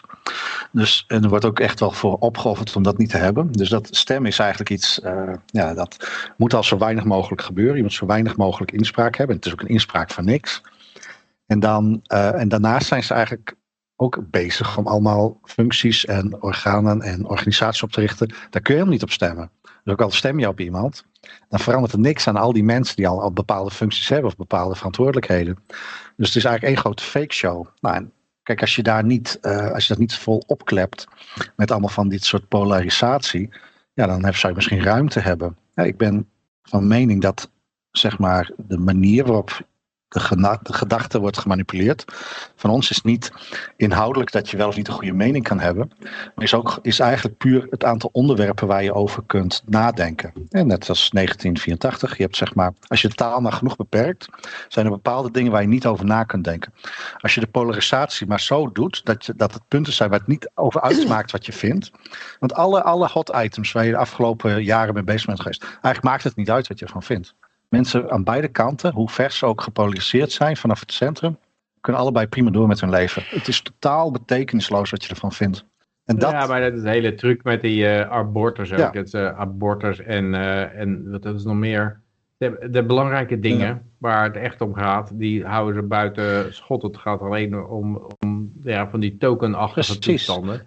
Dan maken ze een hele hoop heisa. Kijk, zal, dat, dat, dat standpunt is iets waar je iedereen, uh, als, je maar, als je maar genoeg details erover bespreekt, krijg je van bijna iedereen wel een emotionele reactie los. Ja, ik denk dat het wel heel veel uitmaakt, omdat het is namelijk zo van, kijk, als degene die wint uh, ontzettend veel fraude nodig heeft om dat te kunnen doen, dan, uh, dan, dan heeft de meerderheid zoiets van: oké, okay, we hebben nou machthebbers en die zijn gewoon uh, bewezen corrupt. Nee, dat fraude, we zijn bewezen, uh, alles. Dus en, en dan, dan uh, je hebt dan ten eerste al gewoon uh, meer uh, beveiliging nodig. Die, die, er moet meer geweld worden toegepast om, om de macht te houden. Want wat eerst, eerst kon je nog zeggen van ja, nou ja, goed, oké, de meerderheid heeft, heeft gekozen. En dan legde de minderheid zich er wel neer. Maar nu heb je dus een meerderheid die weet dat de minderheid dat, dat er een. Ja, een, ik, ik snap, dus, dus je krijgt een andere situatie. Zegt, het, is, is, het is al niet meer de vraag of ze corrupt nee, zijn, want ze zijn al. Ze zitten er al, om, omdat ze, ze hadden er al niet moeten zitten. Dus natuurlijk zijn ze corrupt. Nee. En dan krijg je al een hele andere verhouding ik, ik snap heel goed om het dat je, het je Niemand bekijken. neemt dan zo'n Biden ook meer serieus, omdat iedereen al weet van. Uh, hij zit daar gewoon puur om, vanwege een stembusfraude. Nee, dat, dat, dat, en, de, en de meerderheid nee, van, van wel, dit dat, land... dat is uh, absoluut niet wat er speelt. Verschil. Wat er speelt hm? is dat jij... Het, het maakt niet uit dat Biden is geworden. En geen één republikein of uh, iemand die er echt uh, toe doet daar, vindt het erg dat Biden is geworden. Het, is gewoon, het moet één van hun twee worden. Het moet één van die twee partijen worden. Je moet alleen maar nadenken ja. over die partijen. Je moet er alleen maar over nadenken. Je moet gepolariseerd raken over dat stemproces. En je moet er vooral niet bij stilstaan dat je in een tijd als deze prima over elk uh, item wat je maar zint uh, kunt zelf kunt stemmen. En over elk item waar je het niet zint kun je het prima uitbesteden. En dus de technologie, onze manier waarop we ermee om kunnen gaan, überhaupt het het idee dat je heel veel beslissingen beter kunt overlaten aan uh, zeg maar miljoenen deelbeslissingen van alle individuen dan aan representatief gecentreerde uh, macht. Want die maken over het algemeen slechtere keuzes. Zelfs als je vindt dat politiek en representatie een goed idee is, of democratie een goed idee is, dan is representatieve de democratie nog steeds een slecht idee binnen die context. Daar moet je niet over nadenken. Die, die, beide zijden, zij, denk ook dat Elon Musk bijvoorbeeld, die, uit, die, die zei dat independent voters die moeten op de, op, uh, op de Republikeinen stemmen. Dat is ook weer zo, uh, dat was weer een schop in het kruis van libertariërs natuurlijk. Ja, maar Elon Musk, Elon Musk is geen libertariër. Ik denk dat zo iemand bedoeld ja. is om, nee, ja, om de stemmen weg te halen bij uh, de, de derde mogelijkheid. om het weer terug te drijven naar, ja, het is een verloren stem. Ga op een, ja, een republikein dat is, het, dat is exact, ik ben van mening dat dat het product is wat ze verkopen. Er zijn namelijk wel mensen die uh, niet, kijk niet iedereen zit mee in het spel in mijn ogen. Ik, ben, ik zeg ook niet dat het een heel groot complot is, maar ik denk wel degelijk dat uh, ons denken en ons, uh, wat we voorgeschoteld krijgen, dat het erop bedoeld is, niet zozeer om ons te vertellen wat we moeten vinden, want het standpunt wat je indenkt maakt niet uit. Dat het er puur op gericht is van dit moet je, hier moet je wel over nadenken, maar niet dit. Hier moet je niet over nadenken. Inderdaad, je moet niet nadenken ja, over derde of vierde partijen. Mensen die gewoon los willen van dat circus van die twee partijen. Want ik heb het gewoon, ik heb gewoon het gevoel dat het één regisseur is uh, met het show. Ja, met maar show van twee toch, luister, Klaas, Klaas, dat krijg je toch helemaal niet voor elkaar als je als je eh, zeg maar dat er een algemeen gevoel is dat de overheid de vijand is. En dat het ook duidelijk is en dat het zichtbaar is. En dat dan, dan, dan hebben mensen al zoiets van: eh, oké, we hebben nou die mensen daar zitten, maar dat, dat is één grote corrupte bende, bewezen en zichtbaar. Als, ik, eh, als je naar en dan, die dan, items dan kijkt. gaan mensen allemaal dus gewoon kijken hoe ze zelf dan gewoon eh, daar eh, goed mee weg kunnen komen met die vijand. Maar het is, het is al duidelijk voor ze. Nee, De vijand zit het is daar. helemaal niet duidelijk. Ja, misschien voor een paar mensen die dat zo Tuurlijk is zien. het wel duidelijk. Iedereen in Amerika gelooft dat er stembusfraude is gepleegd. Je hebt alleen twee kampen. Je hebt het CNN-kamp dat zegt van nou oké, oké er is fraude. Maar de fraude is niet eh, erg genoeg dat het een verschil had uitgemaakt. En je hebt een andere kamp die zegt... Jawel hoor, eh, dat heeft wel een verschil uitgemaakt. Die fraude is zo ontzettend. Maar er is al niet eens... Kijk, in Nederland zijn er mensen die, die denken dat er... eh, hè, die kijken het internationaal dat er... Dat fraude in Amerika een complottheorie is. Maar Amerikanen zelf die weten allemaal dat er fraude is. Alleen je hebt dan, dan nog een deel die zegt van... Ja, oké, maar het is, het is, het is, het is niet zo, zoveel is het niet. Dat het, maar tuurlijk, eh, en, en je ziet het ook in de staten... want het is een republiek natuurlijk en geen democratie. Dus je hebt, ziet al de staten die, die zich al helemaal niks meer aantrekken... van, van wat, wat er in Washington gebeurt. En die zich al helemaal los... Die gaan trekken al een eigen plan. Dus er gebeurt wel iets. Nou, dat is op zich goed. er, er gebeurt wel iets in dat Kijk, land. eh, doordat het zo duidelijk is. Kijk, eh, verkleining, dat is altijd goed. Het zou in principe eh, prima zijn als eh, delen van Amerika zich weinig aantrekken op, van federaal niveau. En dat ze meer een eigen plan kiezen. En dat ze ook bewust eh, eigenlijk. Nou, dat is toch al heel duidelijk. Dat heb je dus eigenlijk al de afgelopen twee jaar gezien. Ja, toch? dat zeg ik, eh, dat, dat zou prima zijn. En dat, en dat komt omdat het zo ontzettend zichtbaar is. Dat het is ook heel makkelijk te verkopen aan mensen. Van eh, luister, er zit een, een FOP-president en een FOP-regering. En wij hoeven, hoeven er helemaal niks. eh, we, hoeven, we hoeven dat niet meer serieus te nemen. Wat, Als je wat ook die kijkt mensen wat willen. er in Brazilië gebeurd is, dat is ook zo'n verhaal. Die de Bolsonaro, enorme massamenigte. Als je ziet wat voor menigte die trok, eh, ja, dan, dan verliest die rode verkiezingen. Ja, dat, Ja, ja, doet denken aan Biden, die dan meer stemmen hebben getrokken dan, eh, dan Barack Obama. Ja, en die gozer die is ook nog vroegtijdig vrijgelaten uit de gevangenis vanwege corruptie. Ja, ik- Ja. En ik, ik heb met een eh, Braziliaan gesproken en die, die heeft mij dat hele verhaal verteld. Van ja, dat, dat is echt iets. Weet je, wel, je moet je eens voorstellen, er zit iemand vast voor corruptie. En die wordt dan met, met corrupte vriendjes eerder vrijgelaten. En die wint dan de verkiezingen. Weet je wel, van een hele populaire Maar ik denk ook niet dat we het Nou, heel erg oneens zijn. Maar wat ik zeg is dat die partij waar je dat, dat onderscheid ziet. Want het was al veel langer gaan. Er is al veel verder terug. In het verleden zijn er echt wel momenten geweest dat mensen iets hadden van ja, we kunnen wel af van die gevestigde orde. En je ziet, vind ik, als je naar kijkt hoe dat dan verloopt, dat die partijen die daar aan vast willen houden, die presenteren die show. En ik denk dat de Republike, beide kanten in Amerika Ja, het is Die- erger geworden, Ja, maar toch? die- die volgens doen- mij. Het, het is, is- erger het is- geworden, want vroeger hadden ze... eh, eh, Pim Fortuyn, die probeerden ze, die, die won dan opeens en die probeerden ze een beetje te, ja, te vermoorden dan in dit Ja. geval. Maar eh, ik denk dat... Proberen, dus ze hebben het gewoon gedaan. Ja, en, en, en ik heb het idee dat het vroeger in België hadden ze cordon sanitair waarbij ze een groep, eh, grote groep kiezers erbuiten hielden. En, en het wordt steeds duidelijker. Nu is het gewoon van ja, we, we, ja, we frauderen gewoon met de, met de stem. Ja, maar ik ben van mening dat dat frauderen, dat dat de essentie daarvan is niet dat daarmee de verkeerde persoon aan de macht komt. De essentie is dat, want dat, dat zag je, zag naar Fortuyn en naar dat, die dingen in België. Wat je dan ziet is dat eh, ze veel meer gaan inzetten op die polarisatie. Er worden betekenisloze eh, punten worden, eh, die, die goed polariseren worden in de samenleving gebracht. Dan wordt het een soort ons tegen hun. Dus je moet, dus het wordt echt zo van, ja, je Hmm. moet weer terug. Je moet Ja. naar, want die anderen zijn allemaal klein. Die andere stemmen zijn niet groot genoeg. Je moet naar ons of naar hun. En die ons en hun, die tweestrijd, dat is van één pot nat. En dat is mijn punt. Het maakt uiteindelijk niet uit dat je, of wie, wie het van hun wordt en wie de grootste fraude heeft gepleegd. Het gaat erom dat het één van hun is. Dat het oude spel doorgaat. Zij zien het deels door hun vingers glippen. En hun tegenactie daarop is.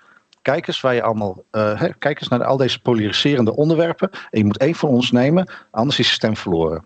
Eh, Anders, Het zeggen ze ook bij die, bij die, eh, die democraten, zei ook van, dat Biden dat zelfs zei, van ja, eh, die MAGA Republicans, dat, die zijn, die, dat is gewoon vuil. Die moet je gewoon, eh, die, die zijn absoluut niet acceptabel.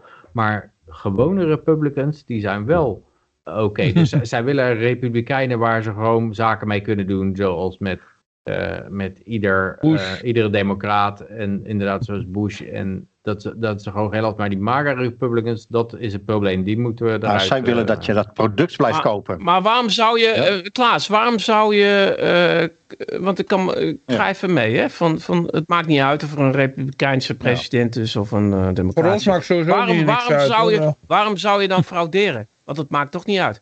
Dan heb je vier jaar een republikeinse en dan heb je weer eens acht jaar een, democratische en dan weer eens vier jaar. Dat maakt toch niet uit. Waarom moet je dan zo ontzettend frauderen als het helemaal gereed uitmaakt? Waarom, zou, je- Dat waarom is het moet je dan bijna. Wat drukken? jij koopt, Dat Want is juist het je- spel. Da daarmee, eh, Jan-Mark, maken ze jullie gek. ja, precies. Het, Zou je Nee, want bij nee, iedere want, luister, nee, nee, nee, dat, nee, tegen jouw filosofie in. Eh, luister, hey, je, je speelt het spel toch het beste als je gewoon vier jaar lang, als je vier jaar lang één Ik hebt en je vier jaar lang B. Ja, als je vier jaar lang B hebt en vier jaar lang A. Mhm. En dat gaat zo door en iedereen is tevreden. Maar als jij openlijk gaat frauderen, dan krijg je toch een andere groep die zegt: ja, maar wacht even, dit is gewoon één grote dikke, Ja, risico, hè. dikke bullshit. ja. Dat is juist een Het is toch veel makkelijker Nou. om dan niet te frauderen. Het maakt niet uit of er een republikein of een eh, democraat zit. Hè? Ik ga daar mee. Ik ga mee Ja, in dat ik van. denk dat het probleem als het niet is, dat is uitmaakt, dan ga je niet frauderen. Want dan ga je dus dan ga je allemaal toestanden krijgen dat mensen op een gegeven moment een revolutie willen. Want dan pikken ze het niet meer. Nou, ik kijk, denk j- dat zij de maakt- afwe- afweging maakt dat het op een gegeven moment, het net zoals met inflatie, niemand wil hyperinflatie. Eh, Mhm. ook, ook centrale banken, overheden willen geen hyperinflatie. Maar op een gegeven moment zitten ze in een soort fuik en dan moeten ze dus kiezen tussen twee slechte dingen. En dan denken ze, ja, eh, of de hele economie ploft in elkaar, of we drukken over geld en we geven mensen nominaal waar ze, waar ze recht op hebben, maar het is niks meer waard. En ik denk dat dat met verkiezingen ook zo is, dat ze, dat, dat frauderen, eh, dat is een bepaalde stap in de escalatie van de ondergang van een regime. En, en net zoiets als met de statistieken van inflatie bijvoorbeeld. Eerst begin je een beetje de definities te morrelen. Je begint een beetje eh, statistisch te liegen, zeg maar. Dat je nog kan zeggen van, nou, we hebben het eerlijk gespeeld. Want eh, we hebben, hier staat wat de definitie is van inflatie. En hebben we netjes eh, opgeteld en afgetrokken. Hebben geen rekenfoutjes gemaakt. En op een gegeven moment eindig je bij zo'n Sovjet-situatie.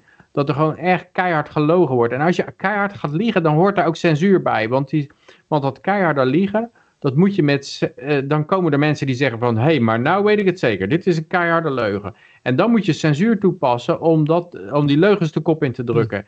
En als dat niet meer lukt, dan moet je met geweld komen. Uiteindelijk bruut geweld. Dus het is uiteindelijk altijd. Het, het, het eindigt altijd met bruut openlijk geweld. Maar het, het zijn bepaalde stappen in escalatie. Dat zij gewoon zien van. Oké, nou komen we hier niet meer mee weg. Dan moeten we toch iets meer openlijk of gewoon direct gaan liegen. En Ja. eh, zo, zo glijdt Ik het af. snap, ik snap oké, maar eh, ik zal nog een ander punt uit, uit- eh, inbrengen waardoor het flauwkul is. Dan leg ik even uit wat flauwkul is. Het maakt namelijk ontzettend veel uit of je in Florida hebt gewoond de afgelopen twee jaar of in Californië, Ja. waar de democraten zaten. Want als je in Florida had gezeten, hè, dan had je geen lockdown gehad en geen avondklok. en dan had je gewoon je geld kunnen verdienen. En als je in Californië had gezeten, had je in een communistisch land geleefd met lockdowns, curfews en dan zat je opgesloten, zat je gevangen.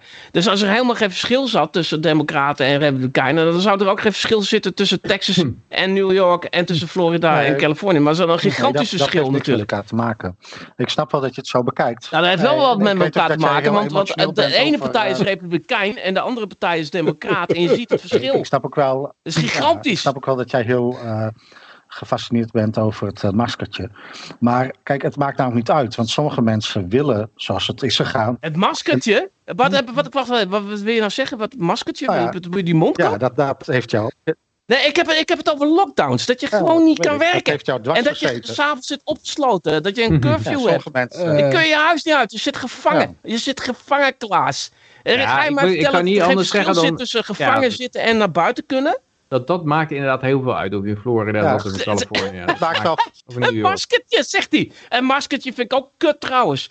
Dat komt er ook nog eens een keer bij, ja. Ja, dat, dat was ik nog even vergeten. Ook nog inderdaad, het maskertje. Maar dat, dat is toch... Luister, je hebt, aan de ene kant heb je geen leven. Dat zijn mensen die zelfmoord plegen. Ja. Die willen niet meer leven. En aan, de- aan de andere kant, daar zitten de republikeinen... en dan kun je gewoon een business openen. En, eh, en ben je gewoon vrij. Je kinderen kunnen Maar ik school denk dat- dat, is Wat- precies. wat- nou, mag wat, ik, dan eh, ik ook even reageren. Dat, dus je geeft Ja. mij gelijk. Je zegt precies. Hun polarisatie is in zo'n zin geslaagd. dat jij bereid bent om op een van hun twee te gaan stemmen. Jij bent ze hebben, ze hebben gewonnen. Jij bent ervan overtuigd dat je één van de twee moet hebben. Nou, dat is geweldig, want dat is het. Pro- Dat is helemaal Dat niet is het- waar. Je kunt, je kunt niet stemmen, je kunt lib- libertair Nee, stemmen. Dat is Alleen het, het, product. punt is, Nee, het punt is dat het eh, eens. als jij zegt van het Ja. maakt niet uit of het maakt niet uit of je op de A of B stemt, dat maakt het gigantisch uit. Dat is een kwestie van leven en Nee, dood nee, dat is bijna. Kijk, nee, Jawel, er zijn mensen die gewoon zelfmoord hebben gepleegd in die lockdown. Er zijn gewoon ja, cijfers dat snap over. ik wel. Het is een massaslachting geweest gewoon. En, en in Californië had je geen lockdown. Nee, Florida. Oh, Florida, Florida had je geen lockdown. Californië eh, Dus, had je dus geen bent leven. met mij eens. Je bent het met me eens dat, dat mensen zeggen dat ze moeten geloven van je moet één van ons twee hebben. Want als je niet één van ons twee neemt, dan, dan Dat krijg je zeggen de- ze helemaal niet, want je- eh, dat geldt alleen maar voor... de eh, verkeerde. nee, dat als is je, helemaal niet waar. als je dat niet, als je niet mij dat? kiest, dan krijg je de verkeerde. Dus we gaan niet nadenken over de realistische, echte manier waarop het anders echt beter zou moeten zijn. Want je moet Nee, nee, nee, nee, wacht even. Nee, dat klopt helemaal niet. Weet je. Nee, maar luister, dat klopt niet, weet je wat je zegt. Want als, je, als, jij, een, een, eh, als jij een verkiezing hebt tussen Bush en eh Al Gore... Nou, dan kun je gewoon libertarisch stemmen of je kunt eh, niet stemmen. Want dat maakt allemaal Nee, gereed uit. Maar als jij, een, als jij, een, als jij een, een keuze hebt tussen... en het gaat, nu alleen maar, het gaat nu even alleen maar om de presidentsverkiezingen... want dat is de winner takes Ja. it all. En je hebt een, een keuze tussen eh, gewoon eh, naar je werk kunnen en vrijheid en eh, ge- geen Ja. lockdowns, geen shit. En je hebt er één die zegt van ja, we gaan jullie allemaal Ja. opsluiten. Dan, dan, eh, dan heb je dat wel, maar dat heb je niet elke keer. Dat is niet elke keer het geval met een eh president. En dat is trouwens alleen maar de presidentie. Je hebt ook nog de House, daar kun je gewoon wel op een libertariër. Er hebben heel veel Ja, libertariërs gewonnen Nou, dat is trouwens. heel mooi. Dus dan, dan eh, dat- dat is... Dat, dat, eh, dat, dat- trouwens, we hebben, niet eens een, we hebben niet eens een presidentsverkiezing op dit moment. Maar om terug te Nee, komen. nee, nou, wij op kunnen nee, nee, want- niet eens in Amerika Nee, stemmen want dit, trouwens. mijn punt is Eh, flauwekul genoemd. Maar het is dus niet flauwekul. Jij onderschrijft helemaal het idee dat je één van de beide moet hebben. Omdat als je de verkeerde doet, dan word je gestraft. En dan krijg je een hele onwenselijke wereld om je heen. En als je de andere, als je maar de juiste had genomen, dan had je een veel betere wereld om je heen gehad. Dus jij, nee, maar je kunt, helemaal mijn Nee, punt. maar je kunt altijd daarnaast nog, je kunt daarnaast nog helemaal scheid hebben aan alles. Want dat is namelijk, als jij niet stemt, dan kan je nog proberen te ontsnappen aan alles door gewoon een, een, een, werkelijkheid voor je te creëren dat je helemaal nergens last van hebt. En dan moet je, dan moet je ook crea- creatief zijn. Maar dat kan je ook als je gaat stemmen. Dan kan je dat namelijk ook. Het maakt namelijk helemaal geen reet uit. Oké. En het is waarschijnlijk nog makkelijker dat als, dan verhuizen hier in het diegene, als, je, als diegene wint, die, als je diegene wint die meer vrijheid, eh daar waar je meer vrijheid bij hebt dan bij die anderen, is het waarschijnlijk nog makkelijker om te ontsnappen aan beide eh, opties. Dan als, je, Verhuizen is als, het je, nog als het de fascist makkelijkste. hè? wint. Verhuizen is makkelijker dan stemmen. Als jij in Californië republikeins gaat stemmen, dan, eh, dan ben je nog steeds een slaaf daarna.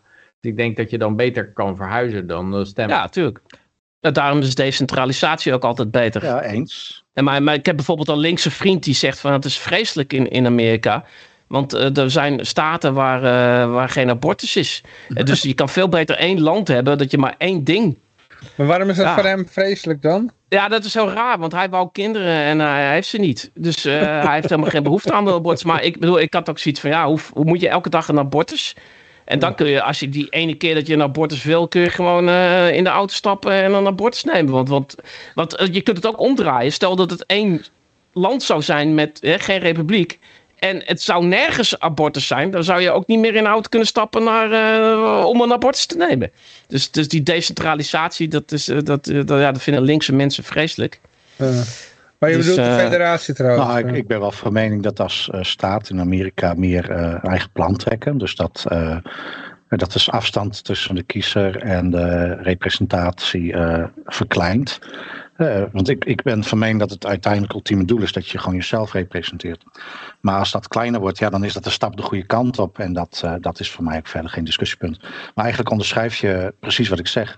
Zij, het product dat zij verkopen is, het moet een van ons beiden zijn. En voor degene die het eens zijn met wat de ene kant doet en het oneens zijn met wat de andere kant doet, die, ja, dan, krijg je, dan krijg je inderdaad straf. Het, die polarisatie werkt. Dat is alleen, dat is alleen bij de. We hebben die verkiezingen, we hebben die midterms nu. Da- Daar, is, daar, daar stemmen mensen libertarisch. dus het is niet op de een of de ander. Dat heb je alleen bij de Ja. presidentsverkiezing. En die, die zijn nu niet aan de gang. Als je zeg maar, als, die als zij niet dat spelletje hadden gespeeld, als zij er niet in waren geslaagd om die polarisatie te krijgen, dan hadden we al veel verder kunnen denken over dat representatieve democratie gewoon niet goed werkt voor ons. En dat de manier waarop het gaat, met één keer stem in de heel veel jaar, dat het eigenlijk heel achterhaald is in onze moderne wereld.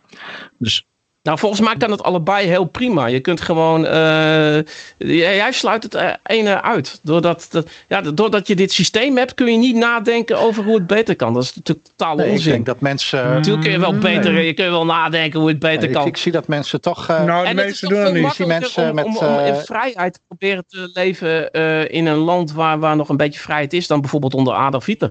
In de jaren 30 onder Adolf Hitler was het super moeilijk om, uh, om een beetje libertarisch te lopen doen, toch? Er, Daar ben je het mee eens. Dus dan kan je beter een of andere heerser hebben die iets minder erg is dan Adolf Hitler. Dat is toch altijd gunstig. Maar je kunt, natuurlijk kun je wel nadenken over, waarom zou ik de hele dag nadenken over uh, of de ene poppetje wint of het andere?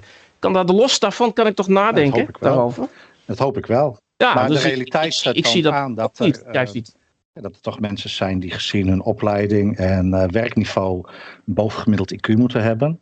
Maar als je dan ziet uh, de onderwerpen waar ze over nadenken en hoe ze daarmee bezig zijn, zie je toch echt dat ze mooi in die kokers gaan. Uh, dat zijn de meest verstandige mensen die laten zich enorm kennen op social media door in alle trends mee te gaan. Met uh, ik moet dat vlaggetje hebben, ik moet uh, die woorden gebruiken. Daar doen ze allemaal netjes aan mee. En ook als ze ergens ontevreden over zijn of wel een mening uiten, dan zitten ze mooi in dat voorgekoude gedachtenpad van nou, je moet over deze onderwerpen nadenken.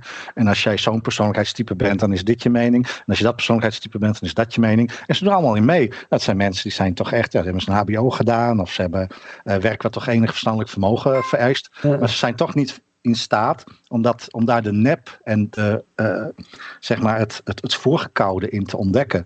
Of daar in ieder geval, ze zijn niet in staat om dat uh, op die manier te, aan mij te uiten. Mm. Dus ik, ik denk dat, uh, dat het spel over het algemeen heel goed slaagt. En dat product dat wordt verkocht van hier moet je over nadenken. Maakt niet uit wat je mening is. En je moet vooral mee blijven doen in ons spelletje. Dat spelletje dat, it's, it's ons of hun. Mm -hmm.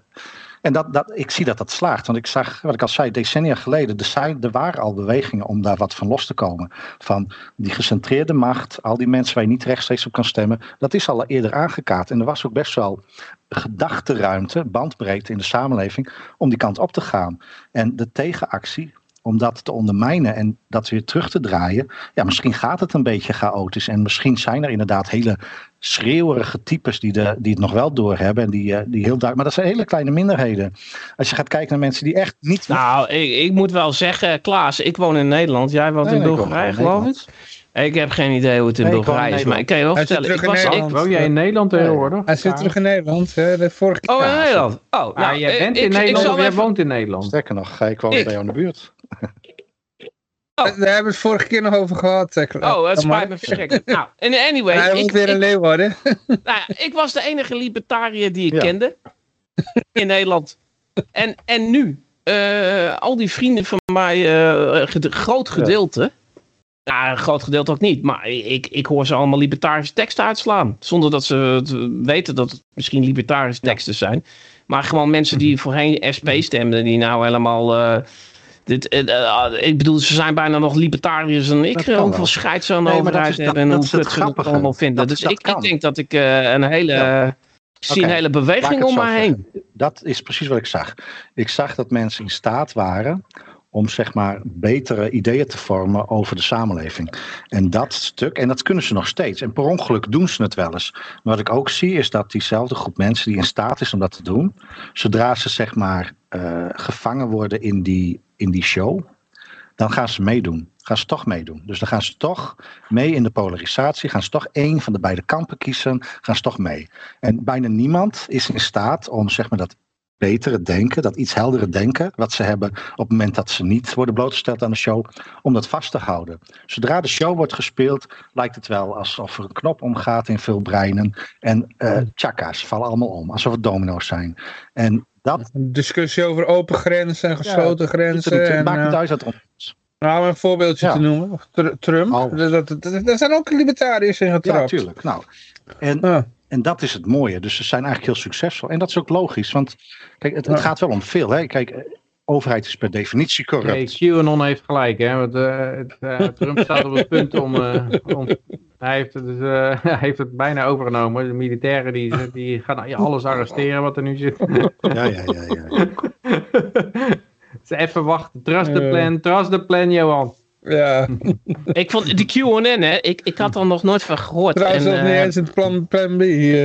En, nee, maar wat je, eh, ik, ik Ja? had dan op een gegeven moment, dat was in, ook in die Kiona-crisis, weet je wel. En dan er was er een goede vriend van mij.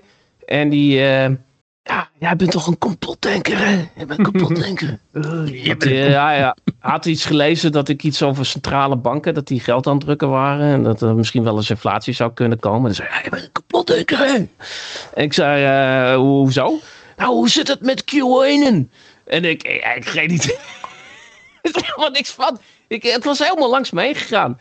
En toen heb ik het inderdaad... Ja, quantitative, quantitative easing. Ja, maar... Ja, toen heb ik het even, even geprobeerd te lezen. Van inderdaad, van eh, nou ja, en, eh, het, en in het Vaticaan, daar valt de stroom uit. En dan gaat er dit gebeuren. En, eh, en er is een heel Tunnels onder de zee. En, en je hoeft helemaal niks te doen. Je moet gewoon op je kont gaan zitten. En dan rolt het plan. Schot, gaat het helemaal... ik, ja, ik, ik, dacht, nou... ik, ja... Maar goed, Q1. Ja. Ik, maar Peter, jij, jij houdt het af en toe nog eens bij. Wat er, eh, Nee, nee, ik, ik herhaal gewoon de laatste, z- zeg maar, ik, ik zat in eens een groepje en daar zat iemand bij die ja, die ik op zich nog wel redelijk had zitten. En die, die zat tot in de lengte van dagen nog van, nee, nee, maar dit gaat nog allemaal goed komen. En ze nee, waar heb je het over, man? Ah, als ik er een complottheorie over, over los mag laten. Het is wel de meest makkelijke manier om mensen echt luid te krijgen. Hè? Ja, Gewoon van, ja, je hoeft wel... trust the plan, zit op je Trust the gat. plan! Weet je Ja. wel? Nee, blijf zitten. het is wel, Brandingssnoep. wat dat betreft vind ik wel geniaal. eh, dit, eh, ja. Ja. Dus, eh, ik, ik heb in die zin wel respect voor die mensen die dat, eh, ja, die dat, dat, die dat soort dingen uitdenken. Zeg maar, die daar, eh, Ja. Jij Maar weet hebt je wat zegt ik- nog, je je hebt ook mensen die zich heel druk maken over verschoten zaad. Ja, dat, eh, Ja. dat is. Maar weet je wat ik zo leuk vind aan... dat die, die trend kwam er toen van... eh, ja, eh, wappie en toen complotdenker. Nu is het inmiddels complotterrorist of complotextremist. Hey, erger, wat denken jullie van complot denier? Als je nou... zou je daar, wel eens zou je daar die, die breintjes helemaal mee op kunnen blazen? Je- Ben jij een co- Ja. complot denier dan? volgens mij, volgens mij heb je, heb je ze dan helemaal, helemaal klem heb je ze dan. Ja, maar ik gebruik com- corruptieontkenner. Dat gebruik ik als tegenhanger van wappie. Zo, een corruptieontkenner. Maar... ehm, maar, maar ik vind het ook zo leuk van, van eh, dan, dan, eh, dan in, één keer ben je dan een complotdenker. Nou, ik vind het prima hoor. Ik bedoel, eh, iemand die daar goed in is. maar dan, dan moet je in één keer ook, moet, je, moet, moet ik nou een mening hebben over graancirkels? En over platte Ja, aarde? En, en ik weet niet.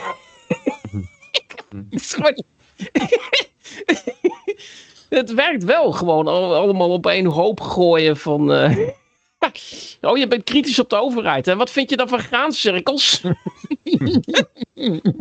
Ja, aliens. Maar het is, Ja. het is verbazingwekkend. Ik weet wel dat ik ooit eh, moest ik een laminaatvloer eh, van een laminaatvloer af en dan kwam er eh, iemand die komt dat dan gratis verwijderen en, en die verkoopt dat dan weer zo. Dus de- ja, en die was natuurlijk een tijdje bezig om dat laminaat te, te verwijderen. En raak een beetje aan het praten en op een gegeven moment zegt hij zo van, eh, ja 9-11, wat, denk je daar nou van? Eh, het is een inside job. Ik zeg, hé, hey, oh, wat hebben we hier? Eh, het is een hele aparte laminaatverwijderaar dit.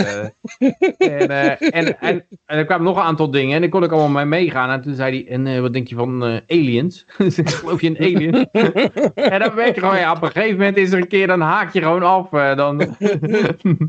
En JF schrijft, ik ga mijn hand vastlijmen aan een graancirkel totdat ik de waarheid Ja. boven water krijg.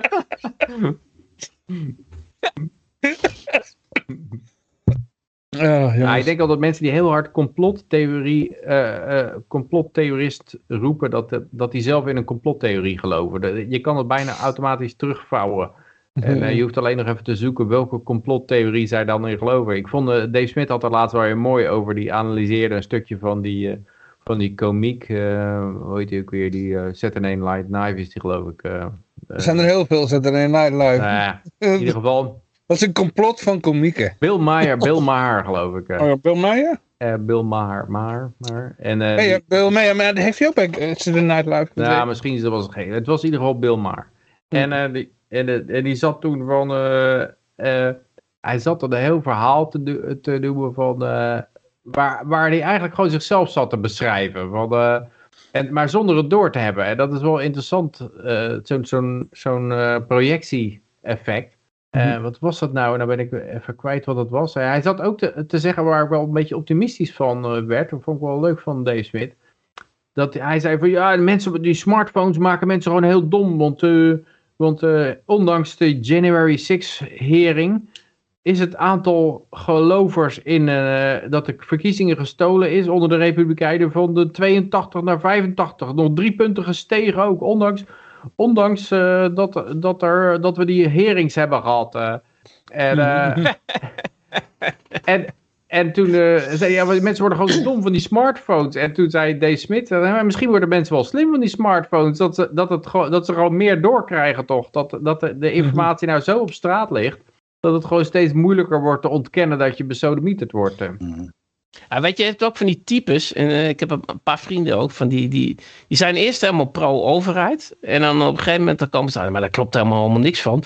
Maar die, gaan dan, die slaan helemaal door, weet je wel. Die, die worden dan helemaal complotdenker, die zitten helemaal in de queue en die, die, die, die Ja. alles, weet je wel. Die gaan van Ja. dat zijn net of mensen die stoppen met roken, die er verschrikkelijk anti-roken worden. Of, of junks die dan zwaar christelijk worden, weet je wel. En eh, ja, klopt. die, die, die, gaan, eh, die gaan van de ene... Dus van nou geloof ik ook helemaal niks meer. Nee, nu, nu, nu zijn alle complotten waar. Het Ja. maakt niet uit wat voor complot er is. Ja. Ik geloof hem. maar die zijn dan wederom niet achterdochtig, hè? Eh, en Dus toch die zijn heb ook ik, niet- ja, precies. eh, en toch heb ik die Die mensen... zijn ook niet achterdochtig naar het complot, Ik heb, snap je? wel een, ik heb Ja, een leuke complottheorie.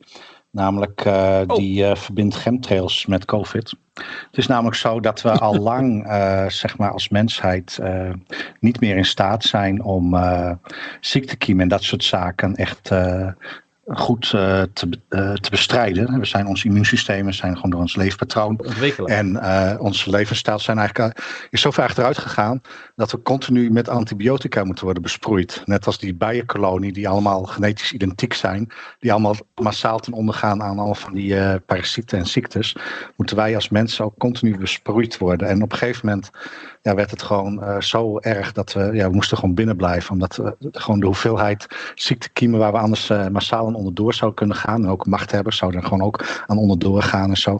Dus toen moesten we, moesten we een beetje ingetemd worden. Dus chemtrails zijn niet eh, chemicaliën, dat zijn antibiotica die ons massaal in leven houden, omdat we anders als soort uitsterven. Het vind van die complottheorie. Leuk hè? Ja, mooi, prachtig. Ja, het zou zomaar kunnen. Maar de, eh, ik vind eh, de mooiste zijn nog ook steeds... bewijs? eh, ja, dat heb ik gewoon zo Dat leek me een leuke. Heb je gehoord van de birds are real? De, de, de, of de birds, dat de vogels allemaal Ja. nep zijn en vervangen door robots Ja. of zo. Dat schijnt ook iets te zijn waar ze, Geweldig. waar ze Ja, dat zijn geweldige eh, dingen. alle complot, alle mens- mensen die een complot geloven mee onderuit willen halen. Van, oh, dan geloof jij zeker ook dat de vogels allemaal vervangen zijn door robotvogels. Ja, en dat heb ik wel vaak met libertarisme meegemaakt. Ik ben gewoon van mening dat ik zelf beter in staat ben dan de overheid om over mijn leven te beslissen. En ik zou meer eh, ruimte willen hebben om zelf te beslissen. Ik merk nu, ik ben teruggekomen in Nederland, ik heb een goede baan. Maar het is toch moeilijk om rond te komen. En dat is gewoon omdat er heel veel van mijn inkomen wordt gewoon geconsumeerd door anderen. En ook niet op een Waarom ben jij uit Hongarije weggegaan? Nou, Dat ik- heb ik gemist. Ik wil graag weer wat in de buurt zijn van familie. Ik heb heel lang eh, daar in het buitenland gewoond. En ook tijdens COVID heb ik eh, heel weinig. eh, Maar was je getrouwd of zo, toch? Of- ja, we komen allemaal hier deze kant op. En ehm, ja, ik, ik ik heb gewoon mijn eigen familie weinig gezien. En dat leek me goed om. eh, dat mijn kinderen ook weer een beetje worden blootgesteld aan de Nederlandse wortels. Want eh, eentje die was echt. eh, die is, nou, is bijna niet Nederlands meer in terug te vinden. Bijna niet meer trouw aan de koning. Nee, precies. Die, Die, eh, vroeg een keer, wie is Ah, Willem-Alexander? Toen dacht je, nou, nou is het ver Nee, hij, genoeg. gegaan. hij houdt niet van. eh, hij noemt witte kaas, noemt hij kaas. Vet aan. en gele kaas, Mm. dat is het rare product. Dus het is tijd om even een kleine Oh, oh. heropvoeding te krijgen. Ja, Inburgeringscursus. precies. Op- Nee, maar ik, eh, ik ben dus nu in Nederland en sterker nog, ik ben stampot aan het maken. Stampot zuurkool. Nou, dat is toch Mm. uitermate Hollands, of niet? Nederlands. Nou, eh, Maar het is waar inderdaad dat je, dat je ook met een goede baan vaak niet meer uit de, uit de voeten kunt. Ik hoorde laatst ook in Amerika de uitgever, ja, als je 80 tot 100.000 dollar verdiende een paar jaar geleden, was je dan, kwam, was je dan goed, kwam je goed Ja. uit. En nou is het gewoon moeilijk rondkomen Ja, daarvan. Dus, uh, ja, het is ongelooflijk eigenlijk. Nou, maar kijk, als je alleen dan kijkt naar lasten. eh, mijn hypotheekafdracht is 1400 eh, euro.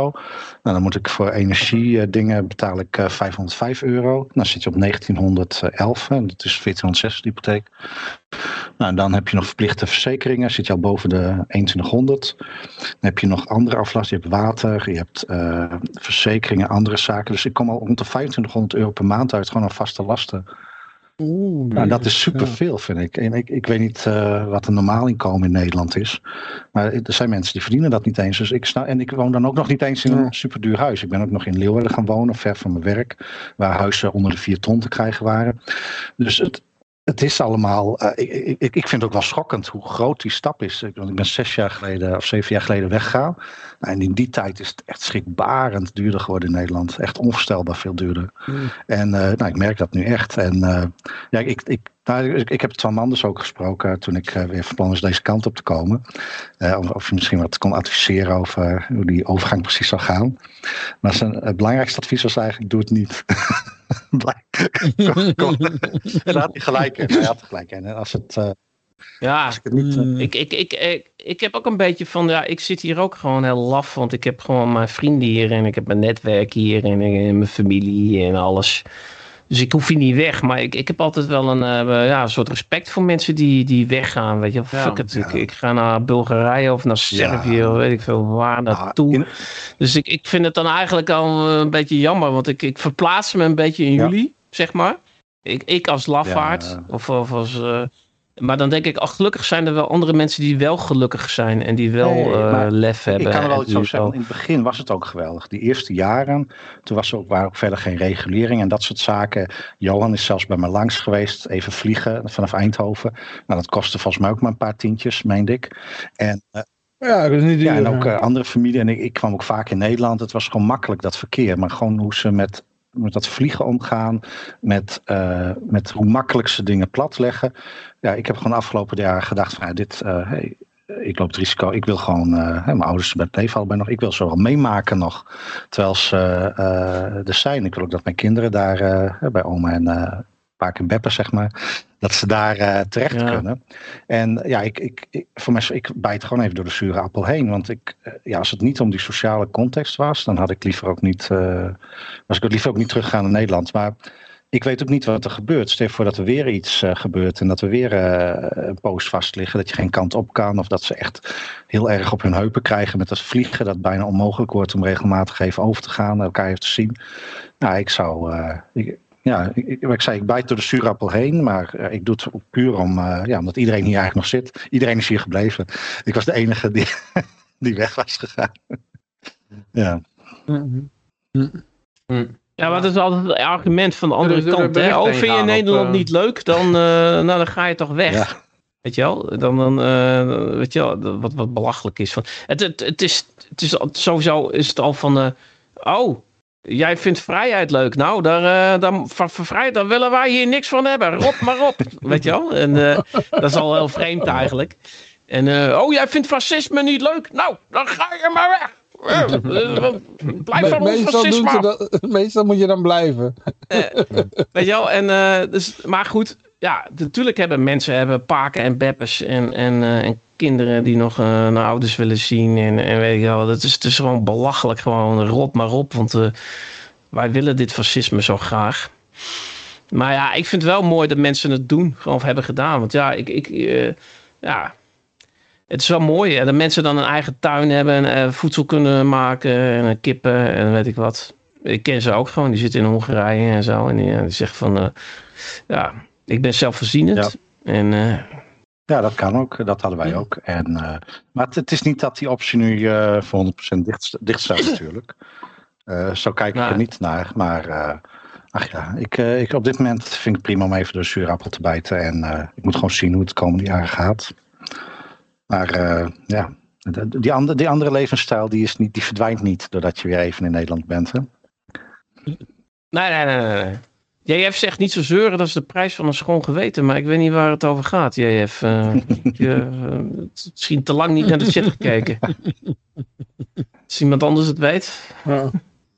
Waar zitten we eigenlijk in de onderwerpen? Ja, Ja, nou, het schiet voor een meter op dit. eh. Nee jongen, dit wordt echt een Ik denk drama. dat, ik, dat het het moment komt dat ik ga afwaken voordat het eerste onderwerp besproken is. nou, we zijn al halverwege hoor, maar eh, we, we gaan we nu over die schoolontbijt gaan hebben. Ja, daar hebben we al een keer eerder over gehad. Zullen we die overslaan? Ja, is goed. Eh, oh, ja, ik weet niet, dus eh, Ja, ja. dat is al de tweede keer dat we het erover hebben. nu was er iets een nieuwe ontwikkeling in, eh, Ja, maar dan, we zeggen waarschijnlijk hetzelfde Ja. erover. Dus Ja, eh. Wop.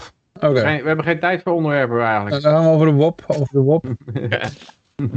We zijn zo goed, we hebben geen onderwerpen nodig joh. nee, nee. Ja, het was iets met de Oh ja, de, de jongen, hè, de, jongen werd gewopt. Hij kan op eh, bestellingscijfers bij het RIVM manipuleren. Dus eh, ja, eh, de jongen kan gewoon zeggen van dit soort cijfers wil ik hebben. Dit, dit komt neer op, die, op dat verhaal van ja, ze gaan steeds nadrukkelijker liegen. In zo'n, als je zo'n zo'n empire in verval ziet, zoals bij de USSR mooi te zien was, dan het begint met een beetje statistisch verdraaien van de werkelijkheid. Een beetje sjoemelen.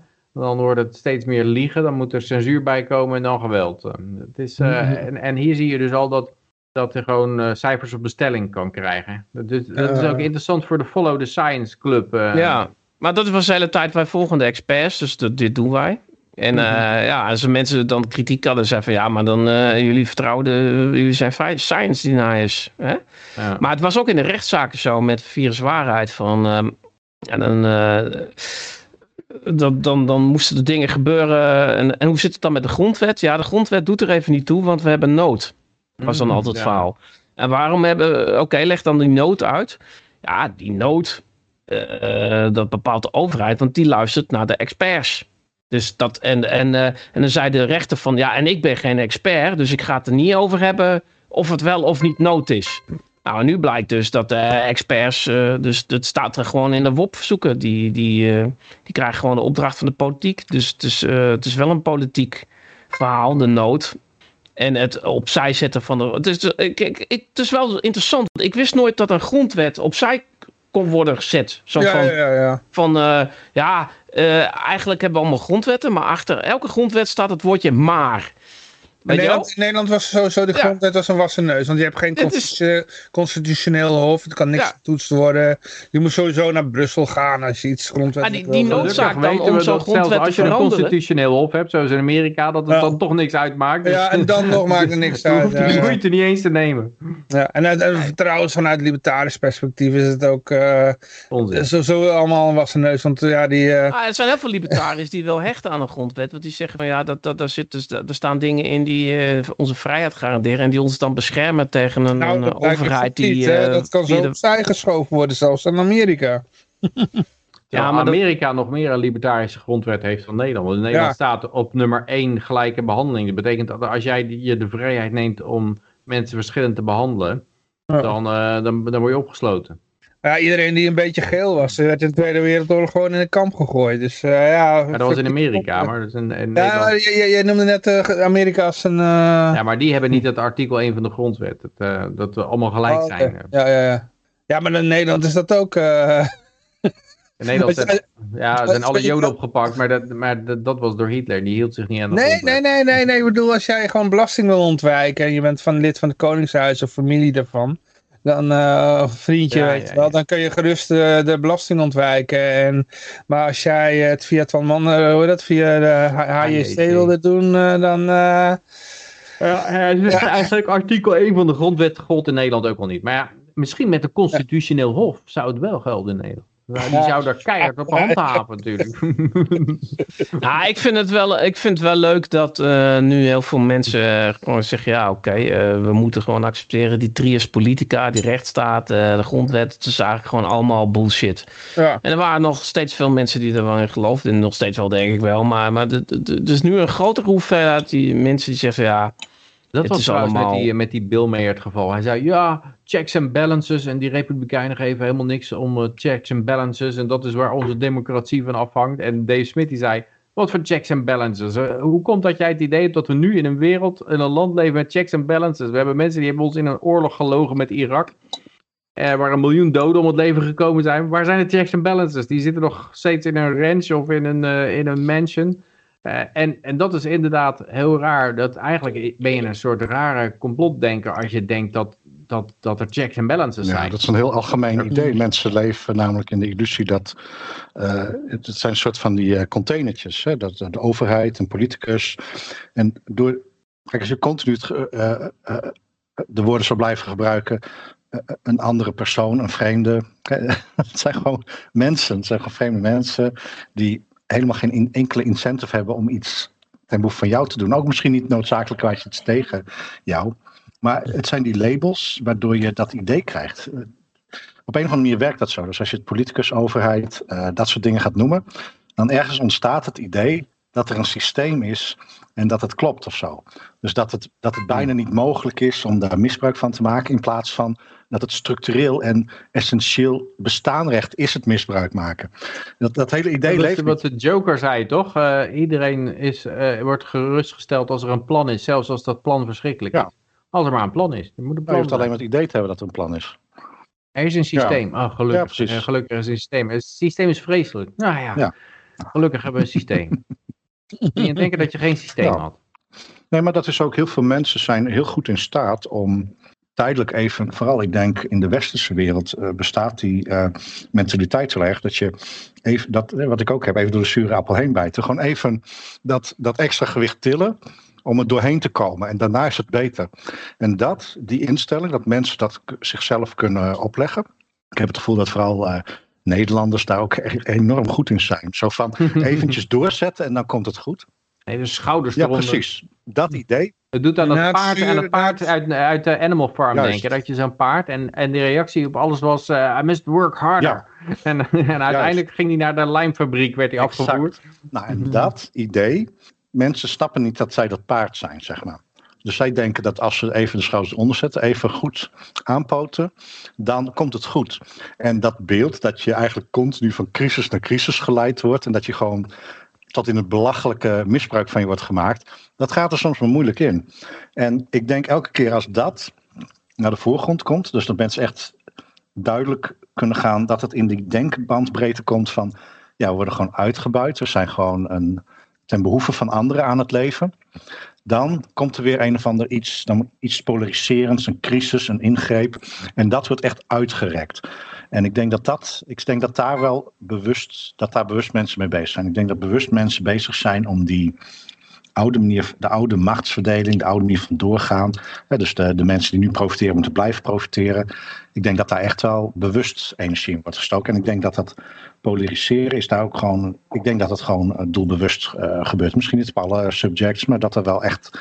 Daar zit wel dat, dat idee achter. Zo, als we maar niet te veel die kant op gaan, dat mensen gewoon beseffen dat ze worden uitgeknepen. Dat er is niet even doorzetten en daarna is het goed. Nee, daarna is er nog een crisis en moet je nog meer doorzetten. Ja. En- ik heb ook het idee dat die crisissen steeds groter worden. En Op een of andere manier moeten die crisissen moeten steeds groter worden. Want eigenlijk was je had eh, ooit had je de dotcom eh, Mhm. had je met een de millennium bug crisis en en dan kreeg je de Great Financial Crisis en, Ja, en, en eh, 9-11. En, en nou krijg je opeens een, een lockdown van twee jaar voor de hele ja, wereld. Nou, zeg maar dat paard. In de volgende crisis, ik denk nog steeds dat het of het wordt eh, de, buit, de alien invasion, Ja. zodat dat daar allemaal, ze zeggen dat er aliens rond de planeet hangen en zij vertolken alleen de wil van de aliens en, eh, en je moet niet zeuren bij hun, want ze doen gewoon maar wat de aliens opdragen en die aliens hebben heel veel wapens, dus, de- dus zo'n een beetje god-idee van ik volg God zijn orders op. Of, eh, of het wordt eh, AI. Dat zou ook kunnen. Dat ze zeggen, well, ja, we hebben een hele grote AI-computer. En die, en die geeft ons opdrachten. En die is ontzettend slim. Die weet het veel beter dan jij. Dat is een soort super-expert, die AI-computer. En die komt met allemaal- getallen als 42. Precies, ja. En die moeten we allemaal gehoorzamen. En wij, wij zijn de profeet. Ja, Zeg maar, ja, ja. de- er is de, AI is de, de raadgever en, en de politici zijn hun profeet. Een beetje zoals eh Allah is God en Mohammed is zijn profeet. En die moet je dan, die moet je dan zonder kwestie eh, vragen stellen. Nou, ik, eh, ik, ik, ik vind het wel. Zullen we weer een bericht Ah, nee, ik doen? vind Of, ja, ik, ik ben het namelijk eh, niet noodzakelijkwijs eens dat het een van die twee opties wordt. Maar ik denk wel dat het, dat systeem, die crisis na crisis, het, het, het, het kan zichzelf ook niet dragen. Hè. Je kan, er zit een grens aan hoeveel misbruik je van het paard kan maken. Hè. Dus op een gegeven moment moet het paard inderdaad naar de lijmfabriek. En dan heb je een probleem. En JF noemt trouwens ook nog de zombies. Zombies kan ook nog. Dat is Oh, inderdaad oh ook een... eh, zombies, zombies, is ook een goede dat zou mogelijkheid. ja. geweldig zijn. Maar ik denk dat in principe De, third way. Ik, ik denk dat die, die ziektes is in principe al voldoende natuurlijk. Ja, ik denk dat, ehm, ehm, ja, waar ik me wel zorgen over maak, is dat er te veel eh, mensen hebben er nu baat bij eh, dat, je, dat je zelf niet eh, goed kan leven, zeg maar. Dus dat er mensen zijn, dat er anderen zijn. Het, het gepeupel dat ook resources consumeert. Dat is eh, hè, belangrijke resources, schaars. Alle resources zijn schaars, maar vooral echt hele expliciete schaarse dingen worden er ook door, die, dat gepeupel geconsumeerd. En er zijn zoveel mensen. En nou, er zijn nu ook mensen aan de macht die misschien echt ja, de gevolgen gaan on- ondervinden in hun eigen leven van, van het gepeupel.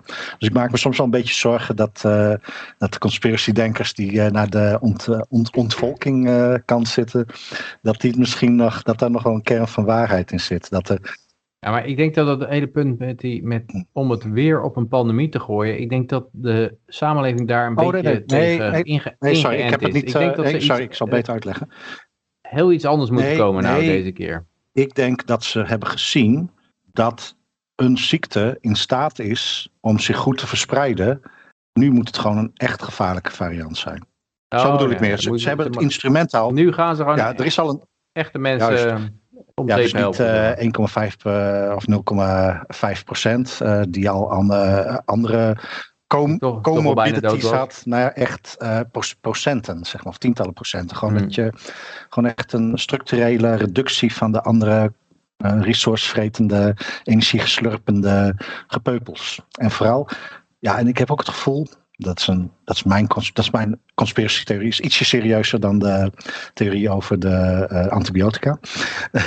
Dat is namelijk dat ze ziektes gaan engineeren om iedereen die zijn economische waarde heeft ge- opgebruikt, dus pensionado's, Ja, ja. om die uh, kopje kleiner te maken. Dus Maar daar kan je van zeggen dat dit ook al een beetje daartegenaan zat natuurlijk. Precies. Het, het, het pakte voornamelijk ouderen. Dus ze, ze proberen die, die oudere mensen weg te krijgen zonder dat het te veel ja, opvalt. dus mijn, mijn schrikbeeld voor de toekomst is inderdaad dat, je, dat het gepeupel werkt, kan zelf niks consumeren van wat ze produceren aan waarde en moet vooral ook meteen dood zodra ze niet meer functioneel zijn.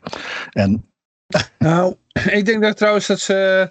wa- Want die, eh, hoor, dat die, die, die, die injecties die we hebben gekregen, ja, niet ik hoor, maar sommige mensen hebben gekregen, dat is natuurlijk, eh, heeft, dan kan je DNA eh, zeg maar eh, aantasten. En dat is net, dan krijg je net zulke regulering als met een Monsanto zaadje. dan is zo'n persoon in een bezit ja, van Pfizer geworden. Of, of zo'n persoon wordt steriel en dan kan je weer een ander spuitje halen om die steriliteit op te heffen. Kan ook nog, ja. Dan eh, moet je eerst bewijzen dat jij, eh, ja, dat jij goed eh, materiaal bent om eh, kinderen voor te brengen. Peter, je had het filmpje gezien, toch? Van die, ik had hem gepost, geloof ik, over die, zo- zo- zo- zo'n discussie uit zo'n Amerikaanse equivalent van WNL, zeg maar. Wakker Nederland. Dus dat was een wakker Amerika of zo. En eh, dan, hadden ze het over die, eh, dat, dat, dat, er mensen, zeg maar, het DNA was veranderd van mensen die zo'n uh, Pfizer-prikje hadden gehad. Ja, dat was al eerder bij dieren geconstateerd, hè? Of, of Ja, ja. in vitro of zo, dat, lever, eh, dat het lever... eh, eh, Maar er zat er zo'n jurist aan tafel en die sprong meteen op. Dus dit vormt nieuwe kansen voor regulering. Weet je wel? ja, oh, jee. Ja, heb, je, heb je dat filmpje niet gezien? Die regulering heb ik niet gezien, zover was het niet gekomen. Oh, oké, nou, dat was echt uh, tenen krommen. Maar die, eh, die, die zat aan het vertellen van, en eh, de, nou ja, wij zouden zeggen, oké, oké, zie je wel dat het eng spel was, maar goed dat ik het prikje niet had genomen. Maar die ene sprong er meteen enthousiast op van, dit vormt nieuwe kansen voor regulering, want eh, mensen die niet geïnjecteerd zijn, discrimineren eh, mensen die dus eh, genetisch veranderd zijn, want zij zijn een nieuw ras. Zoiets was het of zo. Heel erg krom dat je denkt van, hoe de fuck kun je dat denken, weet je wel? Maar goed, ja. Ja, nee, maar dat is Ja. uh, Monsanto. Dat, dat gebeurt al inderdaad met die gewassen, dat zei je al. Van, zij hebben dan een gewas Ja, ja, en ja. als dan dat genetisch materiaal in aangrenzende velden terechtkomt, dan, eh, dan krijg je Ja. gewoon een boete dat je dat in je veld hebt staan. je, hebt al, je hebt ons Ja, genetisch ja, ja, materiaal in je ja. veld staan, dus nu eh, hier is de rekening. Nou, dat is een soort grootheidswaanzin. Die, die gebeurt in de normale markt ook wel hoor. Eh, Er zijn ook echt al marktpartijen Eh, die zo krachtig zijn. Dat als jij eh, in een vrijwillige transactie hebt gedaan, het toch slecht uitpakt. Dat ze je gewoon een boete sturen. Dus dat, Ja, is maar goed. Um, dan kun je nog weer ingaan dat uh, hele grote marktpartijen soms ook vaak wel uh, hand in hand uh, semi-overheid zijn geworden. Maar ala ala. Um, maar dat, dat is heel menselijk ja. inderdaad. Dat ja, dat ze echt wel meer dan, dan hun hapje uit de taart willen hebben. Maar we hadden nog een bericht toegestuurd gekregen van iemand. Uh, gemeente Enschede. Dan weet je al meteen van wie het kwam. Uh, gemeente Enschede negeert uh, al anderhalf jaar.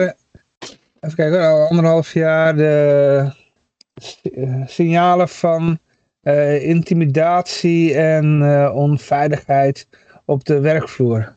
Oh, ik heb weer zo'n rendezvous moment. Want volgens mij hebben we het hier eerder over gehad. Ik niet hoor, maar uh, ja. voel je vrij om het over te slaan.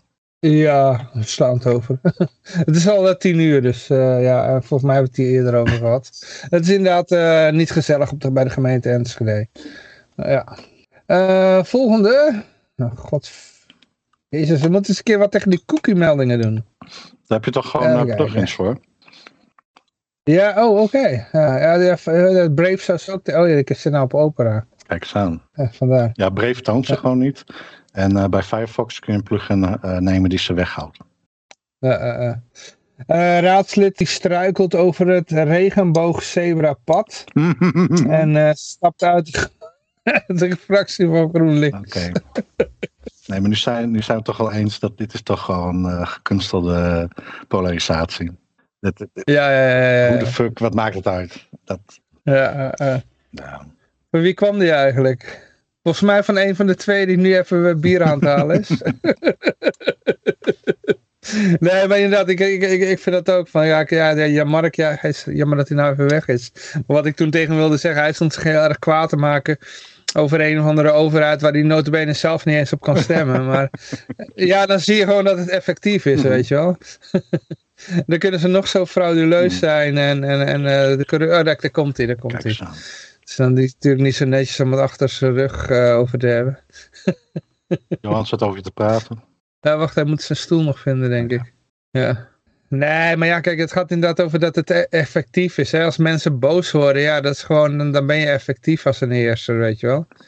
Dus uh, zolang je dat maar kan beheersen, dan, dan, is, dan is het helemaal niet erg dat de burger boos is. Nee, het beste is als, uh, als, als er maar een deel van de burgers boos is. Ja, Ander, precies, als 100% ander, boos en anders is. zijn het met je eens. En dan gaan ze, onderling gaan ze erover ja. bekokstoven. En, zonder, en jij wordt eigenlijk met rust gelaten. Ja, ja. Ik denk dat inderdaad, ze hebben helemaal, niet, helemaal geen probleem met boze burgers. Mm -hmm. Zolang er maar niet veel zijn. Ja. Uh, en daarom, het is ook een beetje van een teken van, ja, kijk, je, je kan ermee wegkomen dat je fraudeert. En, uh, ja. ja. Dus het, dat, dat, dat, volgens mij is het ook een beetje zo van uh, een teken van macht, weet mm -hmm. je wel. Van kijk eens, ik kan stembus, stembusfraude plegen en ik zit er nog steeds. ja. ja, en, en ja, stem op een seniele gast. En uh, dat, dat, is, dat is ook iets van, uh, en we winnen gewoon nog, nog steeds. ja, uh, ja. En eentje met een herseninfarct, die wint ook gewoon. Ja. Had je er wat tegen? Had je een probleem mee? Nee? En het dooien. ja. Wat is je Mark alweer terug? Even kijken. Even een telefoontje plegen ook. Oh, Oké, okay. ja. Ja, goed, ja, we hadden een bericht over van de GroenLinkster, maar ik weet niet van wie die kwam. Volgende. ja, volgende. Oké. Okay. Ja, het is wel, wel, wel, wel, grappig inderdaad, maar eh, ik zou zeggen tegen mensen, je, je kan het gewoon lezen. Ja, het idee is een beetje dat, dat die hele linkse club, die zit natuurlijk een beetje klem tussen uh, allochtonen en homo's en transgenders en... Uh, moslims. Ja, ja, moslims en... En dat is gewoon een verzameling van mensen die, ze, die het gelukt is om zich onderdrukt te laten voelen. Maar dat is net als een atoomkern, dat is niet bij elkaar te houden. Dat, uh, dat, ja, die stoten elkaar af. Ja, ik denk ook heel veel, uh, vooral moslims, als je hun vragen, voel je je onderdrukt? Ja, moet ik even van een man vragen, maar nee. uh, die voelen zich niet altijd onderdrukt hoor, dus... Uh, rechtszaak Peter R. de Vries. Moet opnieuw, want de rechter is verhuisd. Oh jee. Waar gaat het om? Ik heb geen idee. Ik heb, ja, ik heb ook geen idee. Je wist wel dat hij dood is? Ja, Oh, dat heb je nog meegekregen. ja, ik vond het op zich niet... eh, soms vond ik het wel interessant waar hij mee eh, te maken had. Maar eh, ja, ik ben niet een grote fan of zo. Ik weet niet precies waarom hij is vermoord. Ongetwijfeld had iets met zijn eh, programma te maken. En dan was hij met die eh, verkeerde mensen. Maar Ja, het was volgens mij die ene, die ene Marokkaan eh, die, eh, die opgepakt was. zo- Zo'n maffia, Marokkaanse maffiabaas. ja, maar het is toch zonde. Waarom zou je nou een tv-figuur... eh, wat was de reden dan? Had hij iets heel stouts gezegd? Oh, Nou, niet. maakt, maakt ook niet uit. Ik vond het wel fascinerend hoe heel veel mensen die nog wel leven er dan toch nog iets mee willen proberen te doen. En dat is wel, eh, dat vond ik wel interessant. Ja, ja, Als je, dan, eh, als je dan van zijn naam gebruik wil maken om eh, toch nog wat geld te verdienen, moet je dan ook eh, die erfbelasting betalen? geen idee. Een man die zat al 2,5 jaar onterecht vast door eh, toedoen van de Nederlandse overheid. Oké, dit is niet Twan Manders. nee, ja, nee, ja, nog nee, langer nee, dan. Twan Manders. Het het zou, zou te maken hebben met. ehm, ja, er werd gezegd dat, de, dat er sprake was van machtsmisbruik. Dat is het enige wat ik heb meegekregen en de rest weet ik niet. Oké, Eh, ja. En degene die er iets over kunnen vertellen, die zijn eh, allebei afwezig. mooi. Ik heb eh, We zijn heel professioneel. een zuurkool gemaakt met eh, spekjes en eh, Mhm. rozijntjes. Dus eh Oké. eerst de aardappels eh, gekookt tot ze eh, lekker zachtjes waren. Dus je, soms dan kookte ik ook al de zuurkool mee, maar soms kan het een beetje lang duren voordat de aardappels zachtjes worden. En de zuurkool heb ik eh, meegebakken met de spekjes. En daar heb ik de rozijntjes bij gedaan. Dat heb ik gemixt met de aardappels. Mm. En het smaakt heel goed. Je kan ook nog een rookworst bij doen als je dat lekker vindt. Hmm, nou, Ik vind dat wel. Maar hoeft niet natuurlijk. Wanneer ga je die oppeuzelen? Dat heb ik net gedaan. Ik heb net eh, hapjes zitten nemen. Oké, het heeft eh, goed gesmaakt. Nog een beetje zout en peper erbij gedaan. Mm, lekker, ja. ja, ja. Ja. Ja, ik had lekker eh laatste stampot met eh, een vrouw die had wat aardappels eh, gekregen. En, ah, nee, sorry, appels, appels gekregen. Mhm. Oh, ja. En dat had ik toen een tijdje terug, had ik daar met de aardappels samen geprakt. Tot een mooie Ja. stampot. Ah, die was lekker. Mooi. Klinkt goed. Ik zie Jan Mark de hele tijd heen en weer lopen. Ja. Dus eh, ik weet niet wat er allemaal aan de hand is. Maar eh, Peter is er ook niet. Nou, dan gaan we nog verder hebben over recepten. Is goed. Nou, ja, ja. Ja, kijk, ja, volgens mij komt hij nou echt zitten. Ja, hij komt zitten. Ja, ja, ja, ja, ja, ja, ja. Daar is hij hoor, daar is hij. Ah, is Nee. Peter al Nou, hij heeft een telefoontje. Is Oh. even eh, serieuze dingen aan het doen. Ja, ja. Schiet het een beetje op met die berichten. Waar nou, zitten we nou? hadden, even kijken. Ah ja, god, ja, nou ja, eh, ja, laten we het daar even over hebben, over de berichten inderdaad. Ik weet niet of die, eh, deze van jou kwam. Peter de Vries, kwam die van jou? Oh, Nee. oké. Kijk eens aan.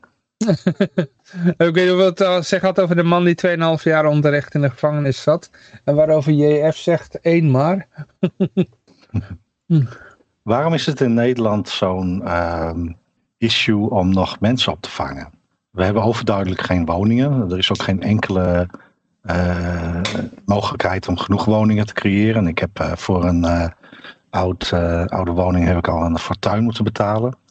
Dus het is overduidelijk dat er niet genoeg woningen zijn in Nederland. Waarom zeggen we niet gewoon, oké, Nederland, vol is vol, klinkt heel erg ouderwets.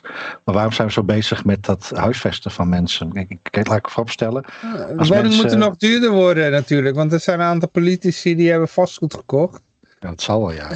ik denk dat het daarmee te maken heeft. Ja, ja, die, Dus, Maar dan kopen ze toch die boeren voor uit om een huis op te zetten. Dat heeft Van der Wal gezegd. We gaan die boeren Ja, eh, uitkopen. En dan, eh, dan zetten we de Dat huis is op. ook nog een reden. Ja. Ik vond het wel heel grappig. Zij moest op een gegeven moment uitleggen bij het jeugdjournaal. Van, ja, hoe, leg nou eens uit aan onze jeugdjournaal kinderen eh, hoe erg die stikstof is. Nou, en toen zei ze van, eh, ja, eh, die, die eh, boeren hebben heel veel stikstof gebruikt en eh, nemen heel veel stikstof. En, en dat, ehm, ja, dat is allemaal te kosten gegaan van de natuur. En ehm, door de, de, natuur is er aan verloren gegaan, omdat wij, eh, we hebben allemaal huizen gebouwd. En, ehm, En, en nu moeten we die boeren, eh, die- dat land eh, hebben we nodig voor nieuwe huizen. Oké. Maar we hebben de natuur vernietigd doordat we te veel huizen hebben Zonde. gebouwd. En, en dan, eh, ja, en toen- maar ik vond het heel eerlijk, want ik dacht, ja, dat, dat is ook jullie plan. En je hebt volgens mij ook ehm, zo'n three-state ehm, city willen Ja. ze, hè? Dus dan willen ze België, Nederland en een stukje Duitsland. En dan willen ze één grote stad Hmm. van maken. En daar moeten 45 miljoen mensen Ja. in wonen. Dat is een plan wat ze hebben. Maar de natuur is belangrijk, hè? Maar goed, mijn vraag is, waarom is het Ah, nog steeds, waarom zijn er zoveel partijen nog bezig dan met eh, het huisvesten van mensen die zichzelf Ik denk trouwens dat... eh, dat eh, 45 miljoen ik denk dat mensen die eh. asielzoekers. Nee, maar die asielzoekers, dat, dat, dat, dat, daar zie ik wel iets logisch in. De meeste zijn jonge mannen. En eh, als je dan. eh, nou, ja, het beste kun je bejaarden doodspuiten en jonge mannen hebben die kunnen Mhm. werken. Dat, dat lijkt me. Volgens mij eh, dan heb je goedkope eh, arbeidskrachten. En het, er zit ook een. eh, dat is ook een complottheorie die je wel vaak hoort. Is van. Kijk, wat Stalin deed, die ging mensen verplaatsen. En want als, als er alleen maar Oekraïners in Oekraïne wonen, dan, dan worden die op een gegeven moment nationalistisch, een beetje Ja, die of er Kam- allemaal Litouwers in Litouwen, of Esten in. Estland. En het beste kun je gewoon een paar miljoen mensen gaan verslepen. En dan, dan zet je de Russen in. En, en je kunt natuurlijk ook eh, Nederland ontwrichten door gewoon... eh, ja, gewoon eh, als je dan bijvoorbeeld een miljoen buitenlanders... die gewoon verder allemaal niet, niet zo heel veel per se een idee hebben over Nederland... dan krijgt het misschien ook wat... ja, dat, wordt, wordt het wat rustiger van misschien. Dat, ja, het Stalin in principe, dat is wat sommige mensen, zeggen. zijn dan ook. meer ontworteld als je een gehechte gemeenschap hebt waarbij iedereen elkaar goed kent en laterale dwarsverbanden Ja. heeft.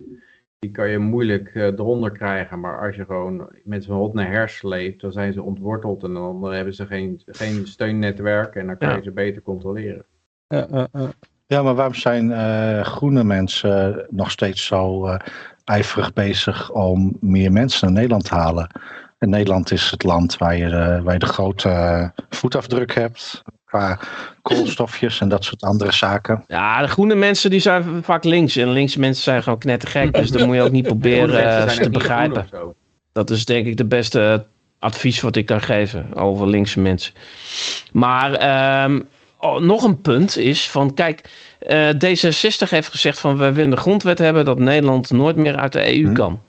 Dus eh, als je dat wil, dus dat Nederland een provincie wordt van eh, een grote EU, eh, dan kun je ook eh, maar best gewoon heel veel mensen in dit land hebben die verder niks met Nederland hebben. Die gewoon, eh, ja, die, die komen, weet ik van uit Somalië of waar ze maar vandaan komen. En die, die maakt het allemaal niet zoveel uit of Nederland, die hoeven geen nexit. Die lopen niet om een nexit te snap ik schreeuwen wel. Maar zo. ik kan me voorstellen dat traditionele groene mensen, die gewoon wel hier wortels hebben, om het zo maar te zeggen, letterlijk Ja. en figuurlijk misschien, dat, eh, Ja, maar die geloven ook in windmolens, nee, joh. dat snap ik wel. En die, eh, die zijn knettergek. Die denken dat windmolens goed voor het milieu is. Terwijl die dingen die moeten gesmeerd worden ja, met ja, olie. En die hebben ontzettend veel staal nodig. Om... gewoon, eh, Dus die linkse mensen zijn zijn gewoon knettergek. dus dat maakt helemaal niet uit. Wat, wat, dan hoef je er geen Duidelijk goed onderbouwde uitwerkingen, wat de eh, milieueffecten zijn per kilowatt eh, per eh, energiebron. En natuurlijk zijn er variaties in van hoe wordt gefabriceerd en dat soort zaken. Maar het is heel erg bekend en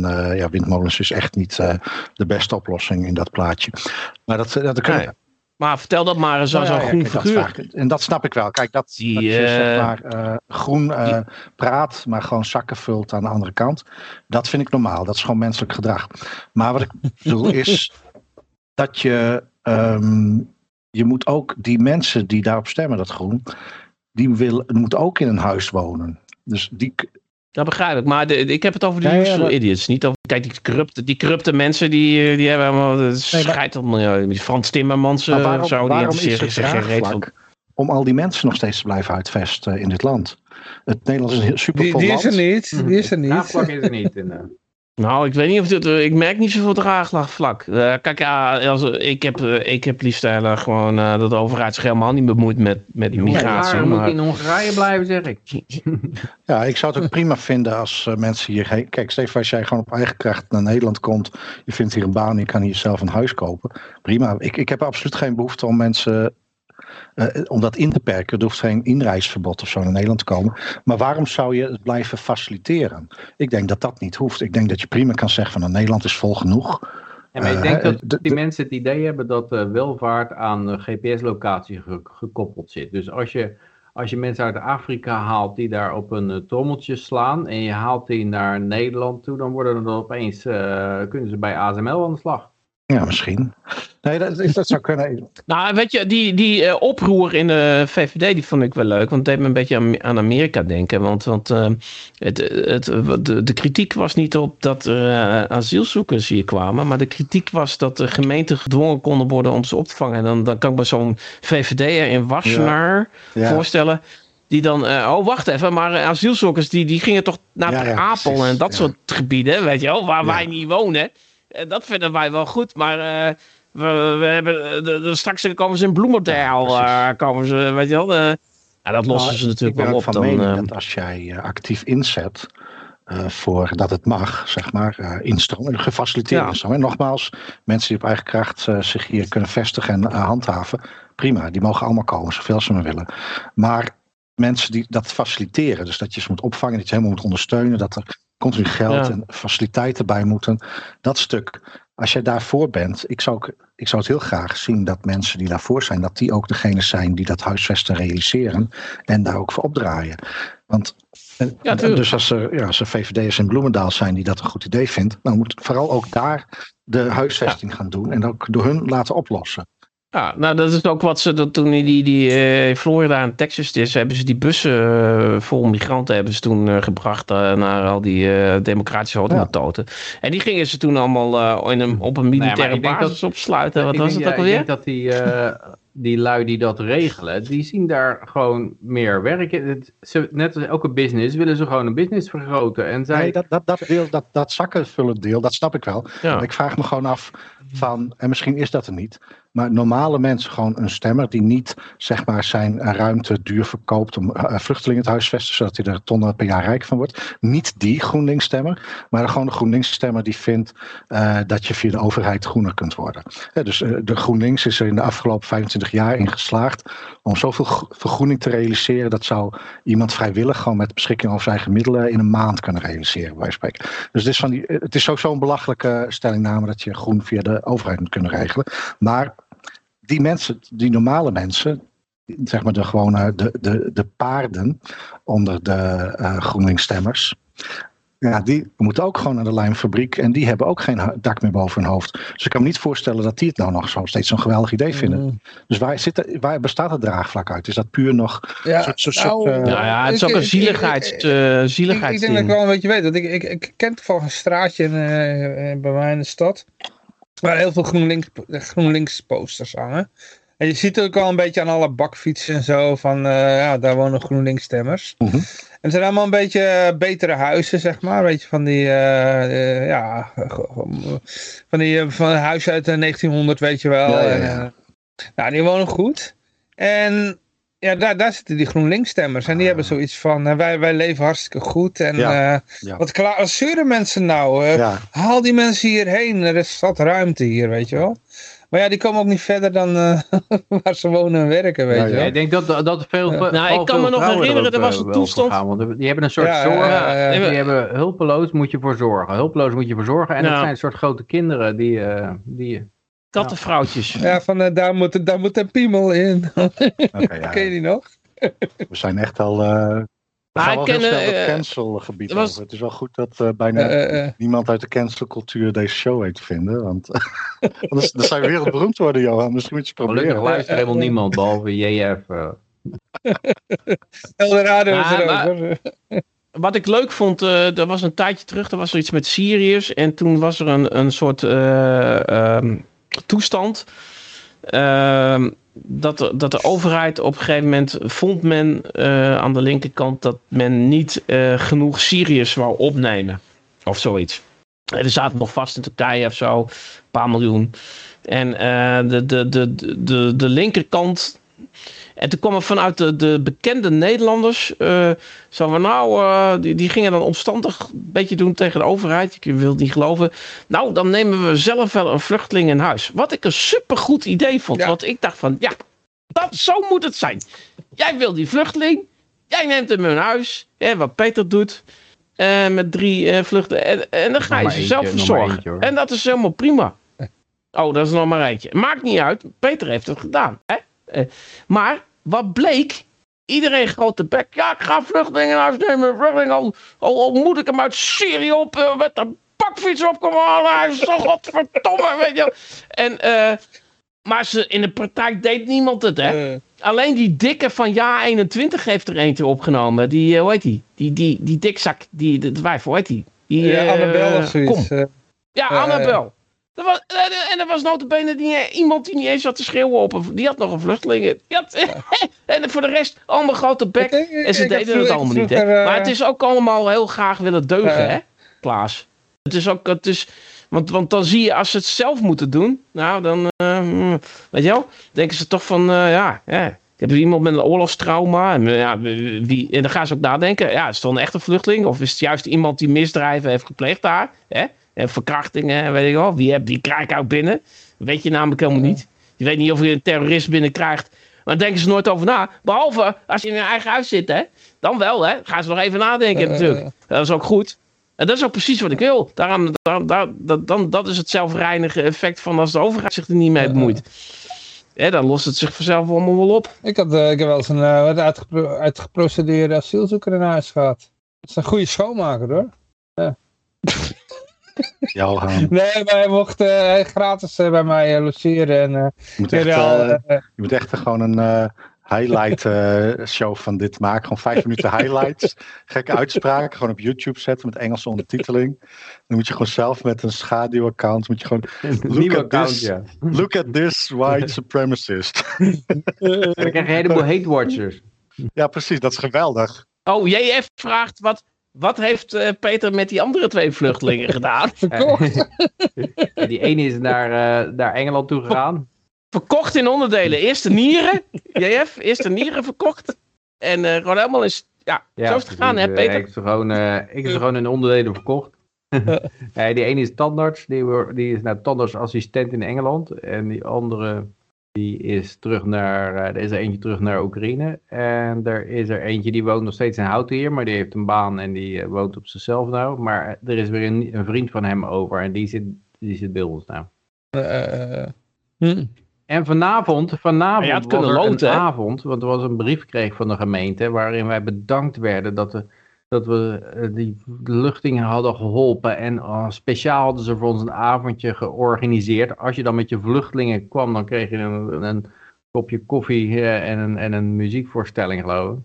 En dat loop ik nou weer te missen omdat ik hier bij deze podcast zit. Gewoon, ik, ik, oh, dat was een buitenkans. Je had gewoon vanuit daar uh, Vrijheid Radio kunnen doen. En uh, wie trad erop? Claudia de Breij trad op? Of, Zo'n zo zo gemeentefeestje is toch een uitstekende context voor een uitzending. Gewoon live op locatie. ja, ja. ja, dat is gewoon briljant geweest. Ik had, ja. ja. Maar uh, nog even voor complotdenkers, daar hebben we een berichtje. Mooi. De NCTV, hoe je dat ook mogen wezen, klinkt als een, eh, een omroep of zo. Uh, die waarschuwt voor complotextremisten. Kijk eens aan. Ja, er was ook een dreigingsniveau. Oh, Volgens mij was het uh, dreigingsniveau 2 of 3 okay. van de 5 zo. Maar dat, dat, dat vind ik dan ook zo leuk, want kun je ooit voorstellen dat als er een organisatie is die, die, die dat die dan gezegd van uh, ja, het dreigingsniveau is gewoon nul. We kunnen eigenlijk wel stoppen. We hebben, ja. Maar wat is de, ik wat denk is de, wat is de, wat is de ik, NCTV? De Nederlandse complottheorie. Ja, dat is een soort geheime dienst, toch? Oké. Okay. Nederlandse nee? complottheorievereniging? Ik dacht dat het een soort nieuwe, ja, een beetje geheime dienstachtig, een beetje een uh, knopploegje voor de staat. Nederlandse coördinator terrorisme Doe, doen zij ook niet iets met die driehoek van die burgemeesters met Bruls en Nederlandse complottheorievereniging. Ja, ja, dat zei ik al, ja. Ik vind het een hele goede, goede gok bij jou, Johan. Ja, de Nederlandse complottheorievereniging. Ja, dat kan, dat kan niks voor anders uitgerangeerde complottheoristen. Ah, geweldig. Ja, er, zijn, er volgens mij onze vaste luisteraars. De Nederlandse coördinator terrorismebestrijding en veiligheid. Hebben ze, hebben, ze ook, Ja. eh, hebben ze ook een soort eh, blad waarin daar de nieuwste complotdingen staan? Ik, vind, ik ben namelijk wel heel gefascineerd door complots. Wat ik ook fra- frappant vond was dat eh, in het libertarisme zie je er ook wel veel. Dan, en dan begin je eraan en je wil eigenlijk gewoon wat meer zeggenschap over je eigen leven. Maar omdat het toch een beetje zo'n niche-beweging is, moeten ook alle mensen erheen met de meest uiteenlopende rare eh, dingen. Dus eh, alle complotdenkers moeten ook in die, die, zijn, ook- die doen dan ook mee. En eh, ja, dat was, ik vond dat een beetje, ik vond het een beetje te confronterend. Want ik denk van ja, aan de ene kant vind ik het leuk dat mensen met libertarisme Ja. bezig willen zijn. Maar om nou te gaan praten of de aarde plat is of niet. Nee, dat ging me dan weer wat te ver. Uh. En Maar misschien. ben jij, eh, ben, jij trouwens bekend met Operation Mindfuck? eh, nee. Maar he- Uh, heeft het. eh, Jij leek me wel een persoon die daar bekend is. Ik, hè? Ja, ja, Nee, maar ja, mijn, ja. mijn idee over hoe onze gedachte wordt beheerst door niet inhoudelijk maakt niet uit wat we denken, maar zeg maar de onderwerpen waar we over denken wordt beperkt. Ja, dat is Mhm. gewoon wat ik observeer in de media. Ik, ik heb gewoon het gevoel dat dat zo is. Als ik mij blootstel aan media, heb ik het gevoel dat ik in een verhaallijn word meegenomen, waarin ik geacht ben eh, op een bepaald niveau te zijn. Zeg maar als ik, eh, ik eh. stel mij namelijk niet vaak bloot aan media. En ik merk gewoon dat zeg maar, de tendens, er wordt, Ja. zeg maar, de manier waarop over zaken wordt gesproken, is van ja, dit punt en dit punt en dit punt, dat vind je al, dat ben je al met ons eens. Dus we hebben het nu over punt D. En, ik- Ja. en A, B en C zijn voor mij helemaal niet. Ik ben helemaal niet op dezelfde lijn. Ik, dat vind ik allemaal afzonderlijke dingen. En ik merk dat ehm, dat is de manier waarop dat gaat. En ook als je het van de andere kant belicht, dan is het juist ja, A, B en C, dat zien we juist zo. Dus jij bent ook, de- de- zeg maar, de, er wordt wel Maar nou snap ik jouw angst ook, Klaas. Van, van, van dan, ja, als je bezighoudt met eh, Amerikaanse verkiezingen, nou, dan ga je in, of in het ene verhaal mee of in het andere. Want jij, jij ziet jezelf ook met een hele slappe rug. Gewoon van ja, oh, ik moet vooral geen tv kijken, want dan, oh, dan ga ik helemaal mee in, in, in die dingen. bedoel je. Nou ja, gewoon, eh, ik, ik kijk namelijk wel gewoon, eh, ik kijk geen tv, maar ik, krijg, ik heb geen tv-aansluiting, maar ik krijg regelmatig mee wat er eh, voor idiotie weer voor excessen zijn op tv, ook via Vrijheid Radio natuurlijk. en, en ik merk, dat, ik merk dat ik er helemaal niet anders van word of zo. Maar, maar jij zegt van ja, als ik te veel meega in de media. Nee, dat zeg ik niet. oh, Wat ik oh, zeg dan, is- Ja, oh, jullie heb je net wel anders druk te maken hier, eh Jan. oh, oh, Ik oh. zeg, als ik mij, Dat eh, moet ik vooral niet doen hoor. als ik mij Oh, oh. blootstel aan media, dan merk ik dat er al een bestaande verhaallijn is. Er is al een, zeg maar, eh, Ja, tuurlijk is die er. station A, B en C gepasseerd, dus je moet mee. Ik Ja, zeg dat- je, maar zo kun je er toch naar kijken van, ik, wat willen ze nu weer dat ik geloof? Maar op het moment dat je er zo in staat, dan, dan, dan sta je er toch al anders in. Als je zo naar de... Bedoel, dan kun je toch, wat je, je kunt het niet meer ontzien. Als je, als je het één keer ziet, kun je het niet meer ontzien, toch? Het is niet dat als je nog meer media gaat kijken, dat je in één keer weer een schaap wordt of zo. Dat lukt je gewoon niet meer, toch? Nee, ik denk niet dat jij. Ik snap denk ik niet wat je zegt. Maar dat is ook niet wat er speelt. Ik bedoel Ik meer. snap het wel. eh. Je, je kan daardoor zien, doordat je dan. Ik denk dat het zinloos is om je bloot te stellen aan media. Niet zozeer omdat je anders daar meegaat. Dat, dat denk ik niet. Maar ik denk dat je eh, dat dat. Dat, dat, dat voedt. Er is zeg maar, je moet op een bepaalde manier. Word je, dit zijn onderwerpen waar we over denken. Daar zit een soort verhaallijn in. En daar word je in meegenomen. En er is, er is geen kritiek meer. Er is alleen maar bouwen op, eh, op die verhaallijn. Dus de verhaallijn is al een gepasseerd station. Er, is, eh, er hoeft niet, eh, je, hoeft niet, je hoeft niet een stap terug te denken. Of een stap terug te nemen om over principes te denken. Nee, je hoeft alleen maar mee te gaan in de verhaallijn. En dat bedoel ik. Als je, als je er gewoon af en toe instapt, dan merk je, oh, die verhaallijn is wel weer heel erg ver. Het is als een soort soap. Dus als je, je hebt zeg maar een paar weken niet gekeken en dan kijk je weer een aflevering. En dan snap je eerst helemaal niet, ja, waar gaat dit eigenlijk over? En waarom praten ze zo door? Nou, bij een soap is er een reden dat er een verhaallijn is. Maar bij feiten en bij nieuws is er eigenlijk geen reden om een verhaallijn te hebben. Je kan gewoon dingen belichten. En er zou eigenlijk altijd ruimte moeten zijn om te zeggen, ja, van waarom?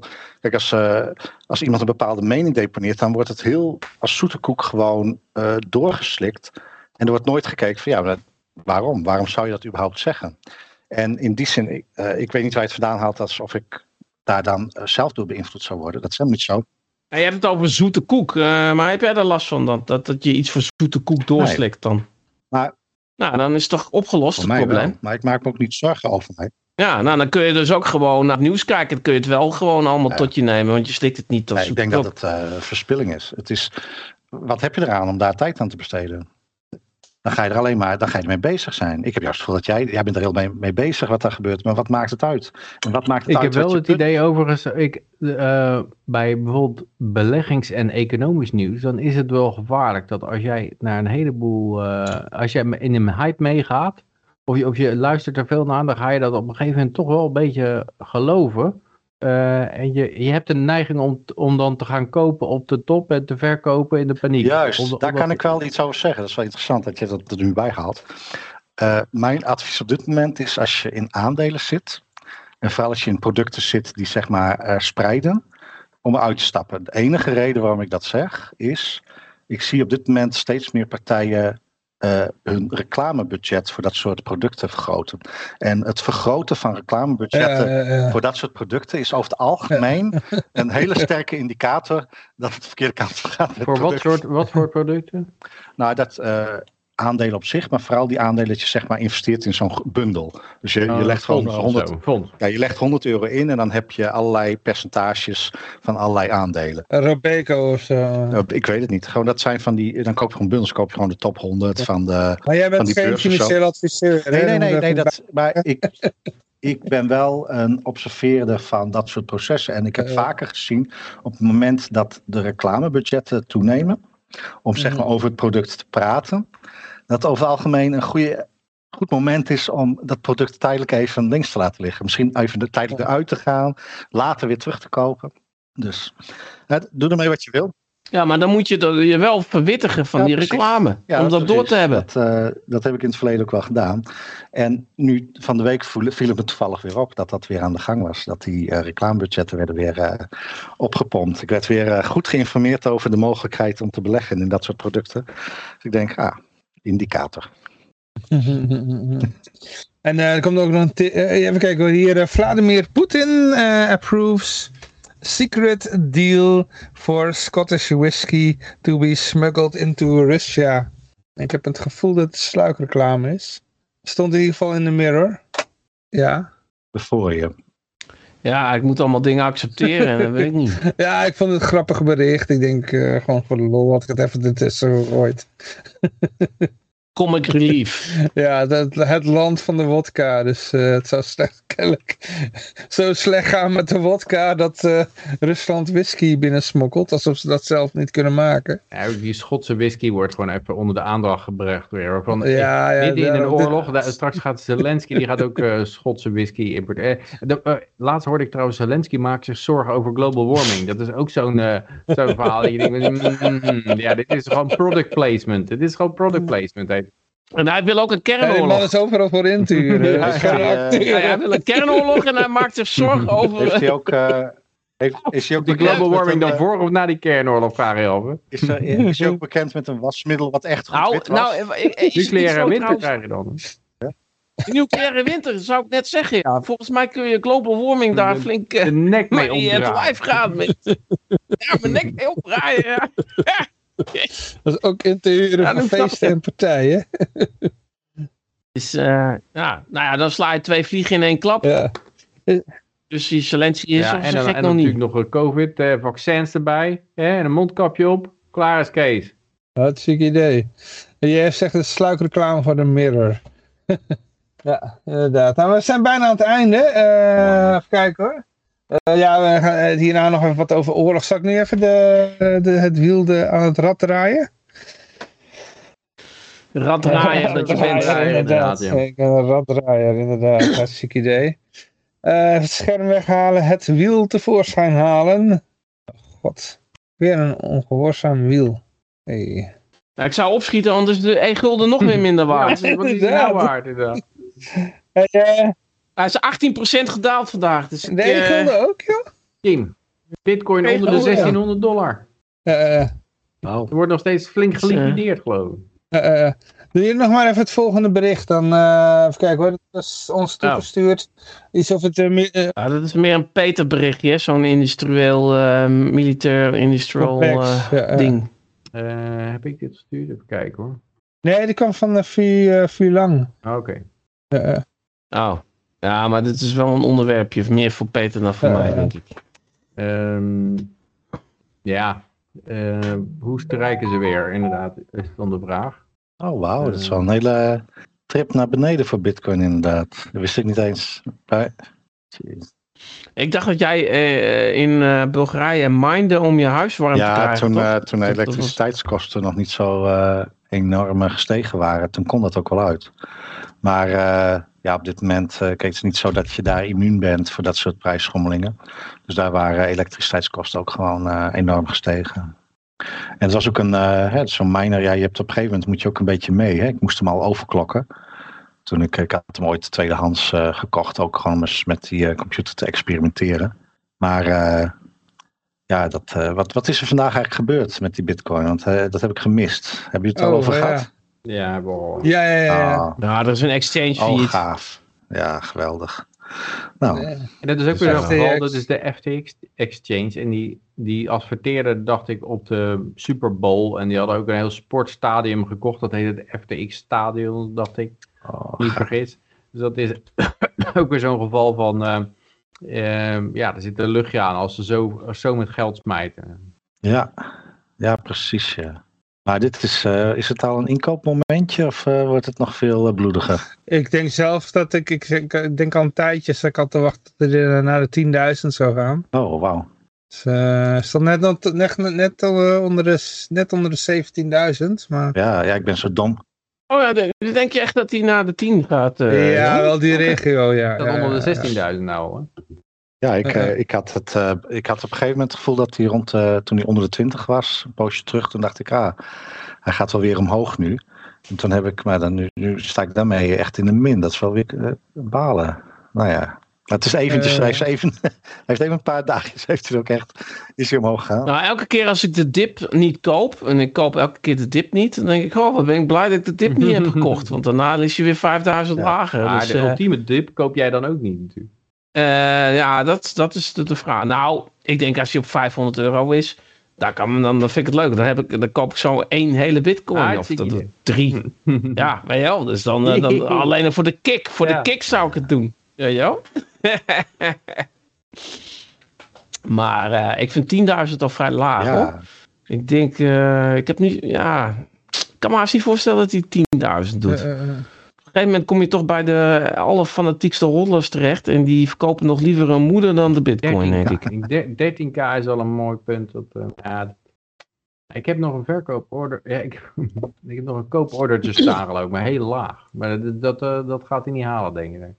Ja, maar het is nu ook zo'n stressmomentje, denk ik, van dat ze gewoon, eh, Ja. iedereen eh, wil het van die exchange Oh, af dat. hebben. En ze, Ja, ja, weet je wel. Ja, daar heb ik inderdaad wel wat van gehoord. Weet je wel, en ik denk, Maar dat, dat speelde al wat langer. toch? Ja. Dat, eh, volgens mij twee dagen geleden heb ik nog iemand gesproken die eh, al zijn spul eraf heeft gehaald. Ja, En deze keldering, dat Ik is pas eh, vandaag echt ingezet. ja, maar er begonnen zoveel mensen ervan af te halen. En dan kreeg, Mm. toen kreeg je pas, eh, toen hebben ze eh, het withdrawal stopgezet. Dus je kon er geen- niks meer van Ah, afhalen. zo, Dan ja. reed je pleur- pleuren is natuurlijk echt Ja. uit. Ach, ach, ach. Ik krijg zo'n Mount eh, Gox eh, gevoel weer, weet je wel. Hadden dat al toen toch ook? Hé, er is een rat. Ja, ja, ja, rat ja, ja. Ik, ik weet niet wat er aan de hand was, maar hij was eh, helemaal... Het komt gewoon door al die ledjes en die andere die kleuren veranderen. En het, eh, het is ik heb zo, eh, geen idee, maar die, er was iets heel, heel geks mee aan de hand. Ik heb, even, ik heb helemaal hardcore manual... eh, alle in, ja, ja, ik heb zitten klooien, laat het zo zeggen. JF zit een beetje te, te, te trollen hier. Die zegt gewoon eh, lower wheel, zegt hij gewoon. nou, ik weet van JF dat hij het heerlijk vindt als we ons slecht aan de onderwerpen Ja. houden. Dat vindt hij leuk, want hij zegt, ja, die onderwerpen die ken ik nou toch wel, dus ik heb, het is helemaal niet belangrijk Dan is ook mij. al, Dus, eh, eh, dan vindt het vast ook leuk dat ik meedoe. eh, denk het dat is wel, ook de ja. reden waarom wij nooit die onderwerpen eh, goed behandelen, Oh. inderdaad. Het is, eh, het, het is wel een teringlange uitzending, eh, Eh, Klaas, als ja. jij meedoet. Dat moet wel, Ja, eh inderdaad. godverdomme nog wat doen. rondjes draaien en ik kom nooit een eind aan. Denk je, nou, ik ga maar eens interrumperen, want eh, die komt toch nooit een eind. Nee, Maar over draaien gesproken, ik ga nou aan het wiel draaien. goed. Hartstikke idee, Ja, daar komt hij. Oh, waarom doet hij nou weer niks? Ja, oh ja, er, er gebeurt wat, er gebeurt wat. Hij komt langzaam op gang. En het wordt... Ah, nee, het zal toch niet weer... kan het weer niet lezen natuurlijk. Garfield Scorpio. Gefeliciteerd. Ja, die wint altijd. Ja, ik, ik, ik, Ja, ik, gefeliciteerd, zit er Tom. niet achter hoor. Dit is gewoon... eh, Heb je dat nou al eh, uitbetaald? Of, eh? Ja, als je nou, nou zit ze op eh, 120 eh, e-guldens. Maar ik moet nog Ja, steeds... maar heb je ik, die- ik, ik moet een wallet, al uitbetaald toen. ik moet een walletadres van haar hebben. Dus, eh, Hmm. Ja, weet je wat het is? Als jij niet uitbetaalt, ik vind op een gegeven moment wel van ja, die, die, die e-gulden was 20 cent. En eh, bij de tijd dat je uitbetaalt is je nog 4 cent. ik, ik, ik, ik vind wel dat er een tegemoetkoming... Ik- eh, Dat is- Dat, eh, Johan zit short, short EFL. Hij koopt ze straks allemaal op, eh, op een halve cent en dan betaalt hij al die prijs uit. als Scorpio met een walletadres komt, dan kan ik het overmaken. Nou ja, weet je, ik, we hebben Yoshi, die is nou met pensioen, maar die heeft werkelijk eh, anderhalf jaar achter elkaar doorgetetterd dat hij naar een euro gaat. Dus, en, en dat dan de hele wereld gaat veranderen. Ja, ooit op een dag. Nou, ik, ik, ik- ja, ja, het kan nog steeds natuurlijk. Eh, eh. Ja, we gaan even snel de laatste berichtje eh, doen. Dat gaat over, eh, over Rusland. Ja, er was iets toegestuurd over militaire industriële ik denk dat, dat, dat het verhaal is, het is een hele lange lap tekst om door te werken, maar volgens mij gaat het er een beetje om dat, dat die, er waren een clubje in de Democratische Partij, AOC en, en de Squad en zo, en, en nog wat lui, die hadden gezegd van, hey, Biden, kunnen we eens aan eh, vrede gaan wer- werken? Want, eh, de- ja, en, want AOC was ook op de huid gezeten ergens bij een vergadering eh, dat ze, dat ze voor die oorlog is allemaal. Eh, Dus nou ging ze maar voor, voor vrede. En die keutel, die werd binnen, binnen een dag was die weer ingetrokken. Dat was echt van, nou, eh, ja, sorry, zo bedoelde het niet. eh, neem alles terug. En eh war, war, war. Ja, er zat, er zat ook alles veranderd hè? uit haar verleden. Is het allemaal weggehaald. Dat ze, Ja, Alle opmerkingen die ze maakte dat ze tegen oorlog was. ja, kijk, die waren eh, allemaal verwijderd hè? van het internet gehaald. Ja, Oké. Nou ja, we hadden in Nederland ook een vredesdemonstratie. En ik kan me herinneren, vroeger, eh, vrede, dat, dat, dat was wel iets wat ook linkse mensen, eh, die vonden dat eh, een ding. Die vonden Ja. dat leuk. Toen nog. En eh, nou ben je een rechtsextremist als je voor vrede bent. En, ehm, en die, eh, die David Icke, die, was dus, eh, die, was, die werd antisemiet genoemd en holocaustkenner. Waar geen bewijs voor is. En eh, wat hij, vers- vers- hij zegt zelf ook van dat het niet is. Maar ehm, die eh, IND die had er iets over gezegd van wij kunnen niet uitsluiten of het is niet ondenkbaar dat als eh, David Icke eh, in Nederland komt, eh, dat dat eh, onrust kan veroorzaken. En kennelijk is dat dus genoeg, want eh Holocaustkenner, eh dat is niet eens eh, strafbaar in Nederland. Holocaust-kenner? Ik bedoel, en eh, dat kun je dat- in Duitsland wel, maar in Nederland niet. Holocaust-ontkenner. zeg. Ja. Ja. Ja, Holocaust-kenner. Dat is, ook, is dat strafbaar ook al? En een Zal me niet, Holocaust-specialist. zal me niet Maar verbazen. ik kan me voorstellen dat Holocaust eh, Nee, deelnemer maar, maar eh, het is, hij is nou in strafbaar is. 26 landen. Maar eh, alleen ervan weten, dat eh, ja, is misschien eh, dat is wel toegestaan. Maar het gaat toch over het getal, dat, want ze ontkennen de holocaust niet. Het gaat vaak Ah. over het getal of die Ja, 6 miljoen, Jo- eh, 6 miljoen doden, Ja. van, of dat inclusief of exclusief zigeuners is. Ja, Ja, eh, Ja, oké, en als je maar- daar maar niet het die, eh, juiste die antwoord Ike- op geeft, dan dan word je gelijk Ja, overal ja. word je bankrekening Ja. bijgesloten. klopt. Nee, maar die Ike die heeft het helemaal niet over die holocaust. Die, die, maar wat hij dan wel heeft is van... eh ja, nazi's is wel een probleem, zegt hij. En ze zijn er nog steeds. Dat is Ja. zijn, eh, zijn maar het, mening. het, het woord eh dit- Joden eh, ooit een keer in de mond genomen, geloof ik. Ik weet niet, maar ik had het laatst ook over dat ik een beetje zei ik van... eh, ik heb toch wel een beetje funky gevoel bij die Ike. En, dat, en ik zat toen op een eh, Telegram groep. En ik werd op een gegeven moment doodziek van, van die eh, Joodse complottheorieën. Dus ik heb die Telegram groep eruit geflikkerd. En, en toen werd hij geweigerd. En toen was ik toch wel even geïnteresseerd wat hij daar zelf over te zeggen had. En toen ging ik kijken. We hebben tele- en er bleken er drie Telegram groepen te zijn van Ike. En toen heb ik de Mhm, Ike. Official gepakt. official. Ik heb de Ike Official gepakt. officieel. En eh, ik dacht, die ga ik eens proberen. En er stond helemaal geen enkel eh, Joods complottheorie Eh. dingetje in. Dus ik, Nee, ik denk dat een van die Ike eh, Telegram groepen, die is gewoon gekaapt. hij zal ooit een keer, ooit die een keer gezegd hebben misschien eh, dat, eh, dat Joden veel uh, buitenproportioneel veel invloed hebben of zo. En dat, dat is het dan gelijk gebeurd. Maar wa- wat, wat ik interessanter vond is in 1997 eh, hadden ze een clip van Ike, David Ike. En dan zei hij van ja, ze gaan eh, een ziekte gebruiken als biowapen. En dan eh, het echte biowapen, dat eh, wordt het vaccin dan. En eh, met dat Oh. vaccin gaan ze mensen eh, population control doen. En dat was in 1997 Zo, dat hij ja, dat zei. Dat ja, wel, eh, dat is geniaal. Maar weet je wat, dat antisemiet, dat is ook een beetje uh, het nieuwe wappie. En um, het, het grappige is ook weer, van, als jij bijvoorbeeld um, kritiek hebt op, uh, virus, op uh, Mordechai Crispijn, die heel erg ervan uit, voor, voor uitkomt dat hij Joods is hmm. en dat hij dingen vanuit een Joods perspectief bekijkt en, en, en wat er gebeurd is met zijn familie en heel erg de nadruk op zijn Jood. Dat, dat maakt helemaal niet uit. En dan zegt niemand van, oh, maar uh, je hebt kritiek op viruswaarheid. Het komt natuurlijk omdat jij een enkel een joden hebt. En zo. Dat, dat zeggen ze niet. Maar aan de andere kant, als jij iets over Soros zegt. Ja. En, je hebt nog niet, en je weet nog niet eens dat hij Joods is.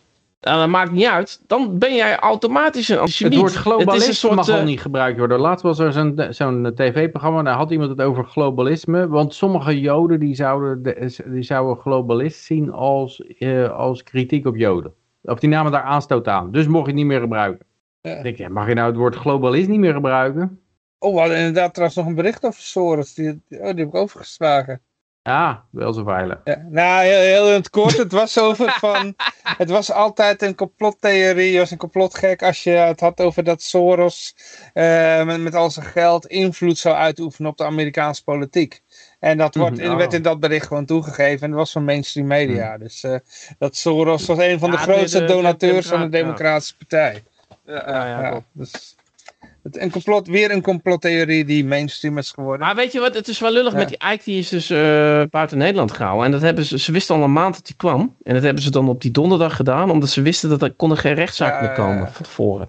En, uh, en, maar het is dan ook de redenen die ze aangeven, dat zijn ook helemaal geen redenen om iemand uh, uh, eigenlijk uh, het land niet in te laten komen. Weet ja. je wel? Het is ja, van, ja, we, we, we, we, kunnen het niet uitsluiten. Het is niet ondenkbaar dat er, dat er misschien oproer komt op een vredesdemonstratie als hij het land binnenkomt. Ik bedoel, dat is, normaal gesproken is dat niet een reden om... hè, 26 landen mag je niet in. Twee jaar lang. Nee, En dan, uh, ja, en het is dan ook een vredesdemonstratie. Maar het grappige is, want ik, ik, ik kwam toevallig bij iemand waar de tv, tv aan stond. En dat was SBS. Oh, ik hoop en dat ging over meegesleept werd uh, door En, en ik, uh, ja, ja, ja, precies. maar het ging over die vredesdemonstratie.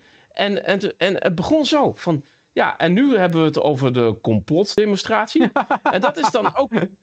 Dat doen ze toch weer knap, hè?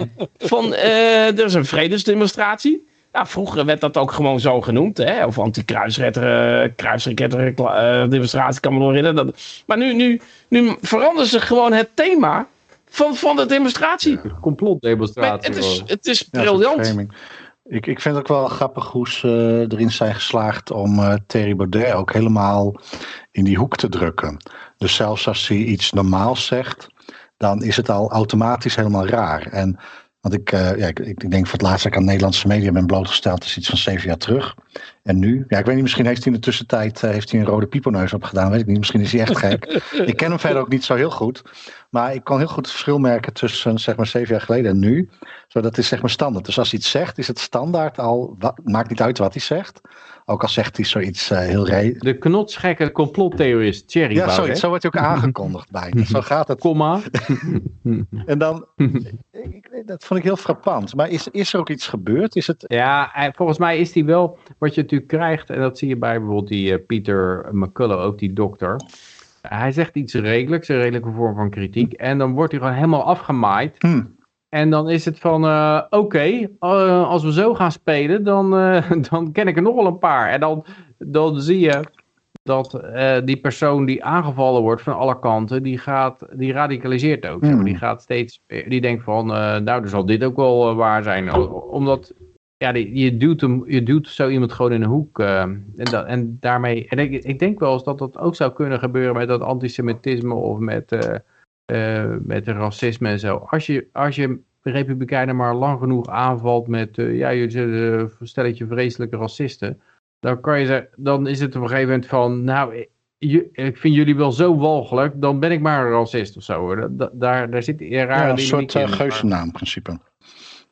Ja, maar bij een geuzennaam dan zeggen we, nou dan noem ik maar maar geuze, maar dan, dan neem je niet iets over ja, weet ik niet. Misschien neem je het dan ook wel over. Ja, misschien ook wel, maar, ik weet niet wat het is. Ja, maar ik denk dat dat bij de Republikeinen niet zo snel gaat gebeuren, omdat... Um, Kijk, het, het punt is namelijk van, ehm, er zijn steeds meer eh, zwarte Amerikanen en zo en Hispanics die, die op die partij gaan en die ook uh, of als kandidaat uh, voor die partij uitkomen. En ehm, de, de, vanuit die hoek, en dat is ook een groeiende hoek, dus het is een winnende hoek, is, uh, is dat er ook een antiracisme, maar dan vooral tegen die identity Mhm. politics en, en al die shit op die Ja. scholen en zo. Wat ook een, gewoon een soort racisme is natuurlijk, van, van de, de democraten. Ik denk dat het wel, eh, ja. En ehm, ik denk dat je die democraten ook altijd nog wel kan pakken op dat ze natuurlijk hi- historisch gezien altijd racisten waren. Hmm. Ik bedoel, ze waren tegen de afschaffing van slavernij, ze waren voor die Jim Crow rules, ze, waren, ze hebben de Ku Klux Klan opgericht. Maar dan Eh, moet je wel in ook- de aanval gaan. Je moet echt in de aanval gaan. Ik denk dat, dat Ja. het punt is... Als, als, eh, de Maar dat willen ze ja, ook wel, de Republikeinen. zijn nu in... de- Die hebben het momentum van de aanval. En ik denk dat, dat dan kom je automatisch in de verdedigende rol. En dan ga je steeds meer verdedigen wat zij aanvallen. En, en dat Nou is een beetje... maar Ik denk niet dat je te veel naar dat verleden moet. Als je gaat zeggen van ja, 100 jaar geleden waren jullie de meest racistische partij.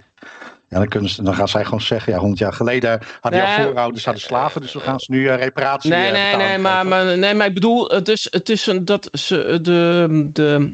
Kijk, nu is het racisme van de Democraten is de identity Mhm. politics. En, en, dat, en die proberen ze ook via schoolboards proberen ze die er doorheen te drammen. Oh ja, En, en het, het, Ja. het, is, het is niet dus alleen de geschiedenis van, van racisme, maar het is het Nee, doortrekken maar racisme ervan. is ook iets, je En, moet het ook echt ehm, leren. En, want als je het niet leert, dan weet je ook niet dat, dat het bestaat en dat je het moet gebruiken. Dus, en ik, ik ben van mening dat dat is ook iets structureels. Dat je, je moet ermee bezig zijn je moet geleerd worden om ermee bezig te zijn. Ik denk dat er genoeg mensen zijn die er. En, dat, en dan, dat is ook, als je dat punt be- probeert te benaderen, dat je zegt van ja, ik ben er eigenlijk helemaal niet mee bezig en het bestaat niet voor mij, dan, dan word je ook daarop aangevallen. Terwijl dat is eigenlijk de essentie. Je moet racisme leren. En als je het niet leert, dan bestaat het niet. En, maar als je dat zegt van het bestaat niet en ik wil daaraan vasthouden, dan ben jij zeg maar het grootste kwaad. Want dan sluit je je ogen ervoor en je moet het juist leren. Die mensen hebben als doel, je moet leren dat het bestaat en je moet eraan geloven eh, dat, het- dat het er is. En dat, dat je er ook een, een, een rol in speelt. En dan ongeacht wat je er eh, voor invulling aan hebt, eh, afhankelijk van andere criteria waar je aan voldoet, of dat nou aangeboren dingen zijn of andere meningen, heb, heb je ook al een, een, een in te vullen vak in het spectrum van het racisme verhaal. Ik Ja, denk dat er nog maar een keer wat je- een wat je nu ziet is met die racisme identity- komt. eh. Hm? We- we- het, het PCR punt is met dit soort dat je op- objectief kan, eh, kan vaststellen bij iemand. Ja, maar even, even over dit specifieke racisme van die identity politics. Dat iedereen zogenaamd in een, in een eh, ergens bij hoort. Hè, Je bent of een zwarte Amerikaan of je bent een Hispanic. Of, je- dat is wat die democraten zeggen. Iedereen Mhm. zit in een hokje. Ehm, wat de tegenkracht is, is heel erg dat eh, niet alleen blanken, maar ook zwarte, Hispanics, al, al die Ja. Komt vanuit alle hokjes, eh, komt gewoon een eh, van eh, wij horen niet bij die hokjes en we willen die hokjes weg. We willen gewoon af van de hokjes. Dus die beweging is, is gewoon heel erg breed. De, de, de, de anti het anti-hokjesdenken. Het, het hokjesdenken zelf wordt aangevallen, Mhm. zeg maar. Dus ik denk dat dan ehm, dat het een verliezende strategie uiteindelijk wordt voor, voor de democraten. Dat dat racisme roepen. Ik denk dat daar iets te winnen valt voor de Ik, eh, ik hoop dat Ja, we. tot, nu toe verdien- tot nu toe winnen ze alleen maar geloof Ik hoop dat we dat punt kunnen bereiken. Dat we echt eh, kunnen zeggen van ja, we stoppen met het leren. We gaan echt op dat het bijna niet bestaat. En ik observeer dat ook als je. Ja, maar je hebt, dan, je hebt ook al dat het niet bestaat, omdat eh, bijvoorbeeld die andere kant, die, eh, die identificeert zich meer als wij hebben dit Hmm. idee. Dus die, die zijn al niet meer bezig van jij bent zwart, jij bent, eh, eh, jij bent weet ik veel, bladibla. Of jij bent een, eh, een, Hispanic homo in een rolstoel. Wij zijn allemaal tegen dat, die woke shit. En dat, dat, bindt, dat idee, dat verbindt ons. Dus, dus je hebt al een front. Wat helemaal door alles heen gaat. Wat, wat, wat daar tegenin gaat. Tenminste, zo, zo merk ik het een beetje. Wat ik meekrijg. Mhm. Maar goed, misschien ben ik, zit ik ook te veel in een bubbel. Maar dat, dat gevoel heb ik. Ik, eh, ik, ik weet niet of, of zij gaan winnen met die, dit nieuwe vorm van racisme. eh, wat, wat ze aan het doen zijn. Zolang mensen er boos om worden, dan zijn ze effectief, denk ik. Mooi. Nou, dat, eh, dat, dat, hangt er, dat hangt er vanaf. Want als zij vast blijven houden aan. Wij willen iedereen maar in die, die hokjes hebben. Dat is, dat is wat wij Eh. moeten. Wij moeten. Niemand mag uit het hokje. En je hebt een front van alle hokjes bij elkaar die zich verbonden voelen door ideeën en niet door, niet door een Eh, huidskleur. Nou, Dan, zoals, eh, zoals dan- eh, dan- echt, dan eh, kun je echt wel verliezen. Republikeinen nog even de Heer danken. En eh, op de Bijbel zweren dat we deze week weer een eh, goede week van gaan maken. Ja, ja, ja. we zijn inderdaad aan het eind gekomen. Ik zag dat er eh, bij Facebook nog heel veel gereageerd was. Ah, vertel. ja, de, ja, ja, dus uh, eh, lees, lees het maar. Eh, dus ze zegt nog als laatste dat ze de NCTV niet moet afschaffen. Of weg, niet wegbezuinigen. Oké, als jij ervoor wil betalen, Vuurlong, dan vinden wij het prima. En CTV, is dat eh, iets anders dan CRT? Ja, het is een Nederlandse eh, complottheorievereniging. Oh, Dat lijkt me wel heel gaaf trouwens, de Nederlandse complottheorievereniging, om die op te richten gewoon. Lijkt me echt wel superleuk. Lijkt me gezellig. En dan Ja. gewoon, En dan een je gewoon wat bankrekening leuke aanvragen. dingen samen. Eh, Bankrekening aanvragen. jullie, En subsidie aanvragen. jongens, Sub- jullie wisten niet wat eh, dus, eh, Operation Mindfuck was? nee, vertel. We gingen bewust idee. complottheorieën verspreiden. Dus eh, Ah, ja. dat was ooit, ooit bedacht door, moet je maar eens opzoeken. Dat, de, de oorsprong gaat ook weer helemaal terug naar een libertariër ergens in de jaren zestig. Mhm. Die notabene samen, die zat bij de marine ooit, samen met die gast die toen ehm, John F. Kennedy had doodgeschoten. En daar had hij nog een boek over geschreven, geloof ik. Of een, eh, maar dat had hij uitgebracht in de tijd dus dat hij dat, ehm, die moord pleegde of opgepakt werd daarvoor. Mhm. Hoe heette die nou? God. Eh, Bedoel je de- naam. Bedoel je de veroordeelde persoon? Ja, ja, die. Ja, ja, ja, Oswald. ja. Oswald, ja, Lee Harvey Oswald, ja. En in ieder geval, maar ja, goed, die was, die, die, die, die ja, het is lang verhaal kort te maken. Er waren twee eh, redacteurs bij eh, Playboy Magazine, die waren een beetje beïnvloed door die gast dus, die libertariër, die daar een boek over had geschreven. En eh, die begonnen toen met Operation Mindfuck, want die hadden dus bij hun, die zaten bij de redactie waar ingestonden brieven kwamen en er kwamen ook continu complottheorieën binnen. Ja. En ja, die hadden zoiets van waarom gaan we niet zelf een complottheorie bedenken, weet je wel. Ja, ja, ja. Dus die hadden allemaal kleine berichtjes in kranten gedaan en dan ga ik kijken wat mensen ermee gingen doen, weet je wel. ja. En dan ging het eigen leven leiden. En hij had toen ook een boek geschreven en dat heette dus De Illuminati, geloof ik. ja. En dat was gebaseerd op alle complottheorieën die, die ze ooit binnengekregen hadden in de post. Wauw. En die kwamen daarin voor. En er was uiteindelijk ook een musical van gekomen. En eh, nou, ja. En toen, is, eh, eh, en toen later is, eh, zijn de X-Files seizoenen ervan gemaakt. ja, Dit is wel leuk. Ik zie Peter net reageren op eh, Metro. Nieuws. En het bericht van Metro Nieuws is complottheorieën wakkeren mogelijk terreuraanslagen aan in Nederland. Vreest Ja, NCTV. gaaf. maar het leuke is, dat het is ook zo van, eh, ja, er, er is nog geen terreuraanslag, dus. Maar is er wel een NCTV? En dan, ah, er is wel een NCTV, ja, ja, ja zeker. En eh, die vreest, hè? Die vreest. Die, ja, eh, die, die, ja, die god, zal god. continu blijven vrezen. Ik kan je, niet al, ik kan Ja, je al ja, zeggen, over dan, eh, tien jaar, als ben je er nog bestaan, Maar er is ook eh, dus de, de Naperville Community Television is er. Maar is ook... NCTV is ook een... Wat is Maar het wordt, het, het, het wordt nog wel in twijfel getrokken door de NCTV. Want ze zeggen eh, complottheorieën wakkeren, wakkeren mogelijk. Maar het kan, dus, kan ook zijn dat complottheorieën helemaal geen terreuraanslagen aanwakkeren. NCTV Dat, dat is de ook nog Student een... Broadcasting een. Department at Natrona County High School. Eh, waar, welke NCTV hebben jullie het over? Ik probeer het echt te vinden, maar op YouTube is het... terreur en veiligheid. Ja, Nederlandse coördinatie. De Nederlandse, Nederlands Comité voor Terreur en Veiligheid. NCTV.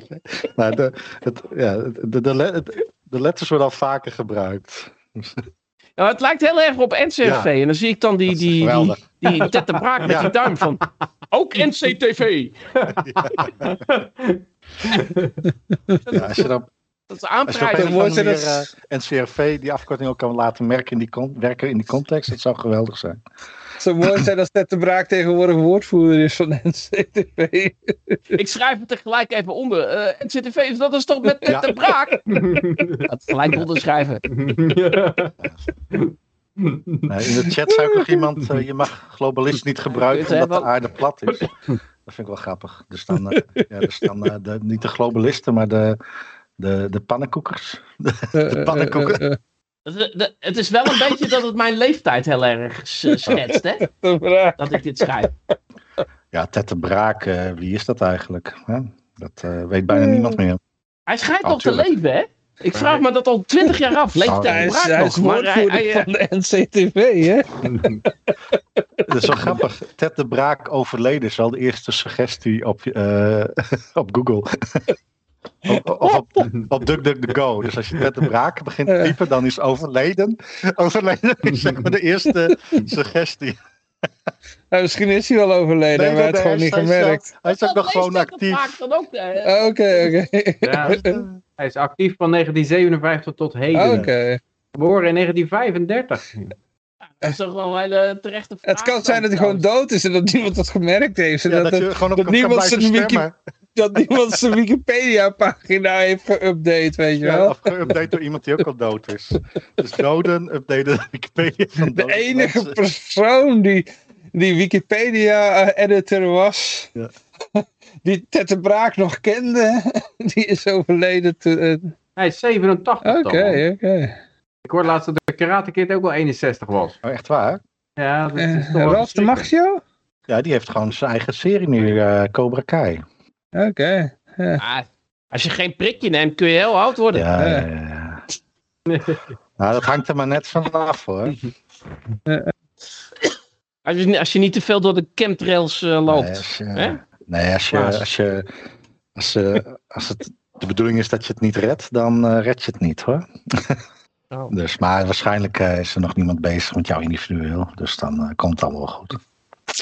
Nou ja, ik zit wel bij Vraat Radio. hè. Ik moet me toch wel een beetje zorgen ik denk maken. dat dat al lang als onschuldig is bestempeld. En dan zijn ze alweer. Ja, vooral, zo. vooral omdat die mensen die dat dan gingen napluizen, zeiden: dit duurt te lang. En ze, ze, ze draait te veel in rondjes. Dus dit, dit gaan we gewoon bestempelen als onschuldig. Ja. Anders zit ik weer elke week. Zeker Ja, als Klaas precies. meedoet, doet het veel te lang. Waarschijnlijk is Klaas eh control top Ja. position. Ja, we gingen altijd vanuit die ene, ene AIVD-luisteraar altijd met zijn hoofd op het toetsenbord lopen.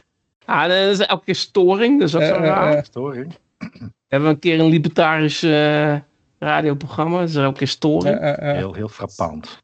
Maar ik, eh, als je niet erg vindt, Worden jullie telefoons ook afgeluisterd? Dat je duidelijk hoort dat andere mensen ook meedoen aan het gesprek?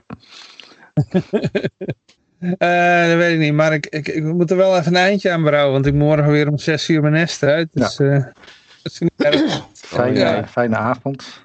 Ja, eh, eh, Onze redding. Nee, Nee, maar het, is, het is eh, toch ook hartstikke leuk om eens. eh, Dus de, die oorlog in Oekraïne, die, die, komt, die doen we niet eens op nucle- VS, VS op achter op nucleair gebied. ja, daar hadden we het over. eh daar daar waren we blijven Ah, steken. Oh, Dat is echt zo'n flauwekul. Dat, dat vind ik. dat is de big dat one, een de kernoorlog. Amerikaanse torpedo gevonden was bij, eh, bij de Nord Stream 2 explosie. Ik denk, eh, als, eh, als er een atoomoorlog moet komen, dan moeten de Amerikanen er gewoon afreizen om hun eigen raket neer te zetten. Eh, Het Russische eh, spul, denk je dat die raketten uit de jaren 60 of zo, dat die nog steeds eh, hier naartoe kunnen komen vliegen? Hou op. eh, eh. Die dingen, die, eh, Ja, die ik- luiken gaan niet eens meer open. En de, de- die raket die erin zit, daar zijn ook al onderdelen uitgehaald. Dus dat, eh, dat is allemaal flauwekul. Die, eh, ja, ze kunnen misschien eh, een bestaande atoombom ergens naartoe eh, rijden en dan laten lekken. Want dat die afgaat is ook nog maar de vraag. Dus dan heb je zo'n, dan ligt er gewoon van het spul ligt er te lekken. Nou, dan maak je een gebied ontoegankelijk door de radioactiviteit. Maar zijn echt niet meer van die systemen. Dat is toch. Dat, de, wat de, de, oorlog, eigenlijk de eerste week van de oorlog van de Oekraïne. In mijn ogen, als je zeg maar een overheid had die het volk vertegenwoordigde. Was, dat- zou zijn een soort algehele zucht van verlichting. Ah, en gewoon alle militaire budgetten terug naar 10%. Zo van, oké, is het zo slecht? Nou, dan kunnen we wel ophouden. Dan hoeven we er ook geen geld meer in te stoppen. In die. Gelds- nee, dus daaraan dat ze juist extra zijn gaan bespelen, vooral aan die conventionele dingen. Dat als je nu, zeg maar, je ziet wat Rusland doet in de Oekraïne. En als jouw reactie als, vanuit de Verenigd Europa dan is om conventioneel wapentuig nog meer aan te schaffen. Nou, dan ben je echt duidelijk niet bezig met volksvertegenwoordiging. Dan ben je gewoon echt duidelijk bezig. Dat is zeg maar zo van. Oké, we hebben dit, deze zaak is afgehandeld en we kunnen er niks meer aan voldoen. Het is volledig, volledig voldongen feit. Maar we gaan toch nog extra oplossingen erbovenop scheppen. Nou, dat, eh, eh, eh. dat, ik vind dat, dat vond ik echt zo glashelder. En dat zie je wel. Mensen gaan daar niet over nadenken. Je moet over andere dingen nadenken. En dan word je gestuurd. Ja. Ja, heel ik ben heel snel doorheen gaan. Wat ik toevallig las is dat er zijn de budgetten voor defensie zijn iedere, met, met iedere president vertichtvoudigd. Hmm. En je, maar goed, de, de, conclusie was dat dat het, uh, het leger niet verbeterde. En ja, Ron Paul wordt nou in de chat gegooid. um, Waar zit die ja, chat dan? Ik zie die chat helemaal niet. Oh, op Twitch, op Twitch. Ik weet niet waar jij zit, YouTube? Of? Ja. Oh, oké, ja. In ieder geval dat het uh, meer geld erbij gooien was niet de oplossing. Daar, daar kwam het even in het kort op neer. En, uh, ja. Het was verder, verder geen libertarisch uh, artikel. Maar het werd wel gesuggereerd, dat heel, ik ben heel snel erheen gegaan, dat China eigenlijk een veel beter leger heeft. Dus ja, dat Amerika er niet klaar voor is. Oh, dat zou echt een hele goede reden zijn om nog meer geld daaraan te verspillen. Nee, maar dat, dat is juist het probleem. Je gooi je elke keer meer geld erin en, Ja. en dat maakt het leger niet beter. Nou, dat is niet helemaal... Hey, ik hou er mee op. Goed, ik, ik ga Ja, nog een, ook. ei- eindje aan brouwen. Hoi, hoi. Dag, dag. Ik wil iedereen eh, hartelijk danken voor het eh, luisteren. Uiteraard zijn we volgende week weer. En uh, doedeledokie. En ik, ik ben vergeten de eindtune eh, te programmeren.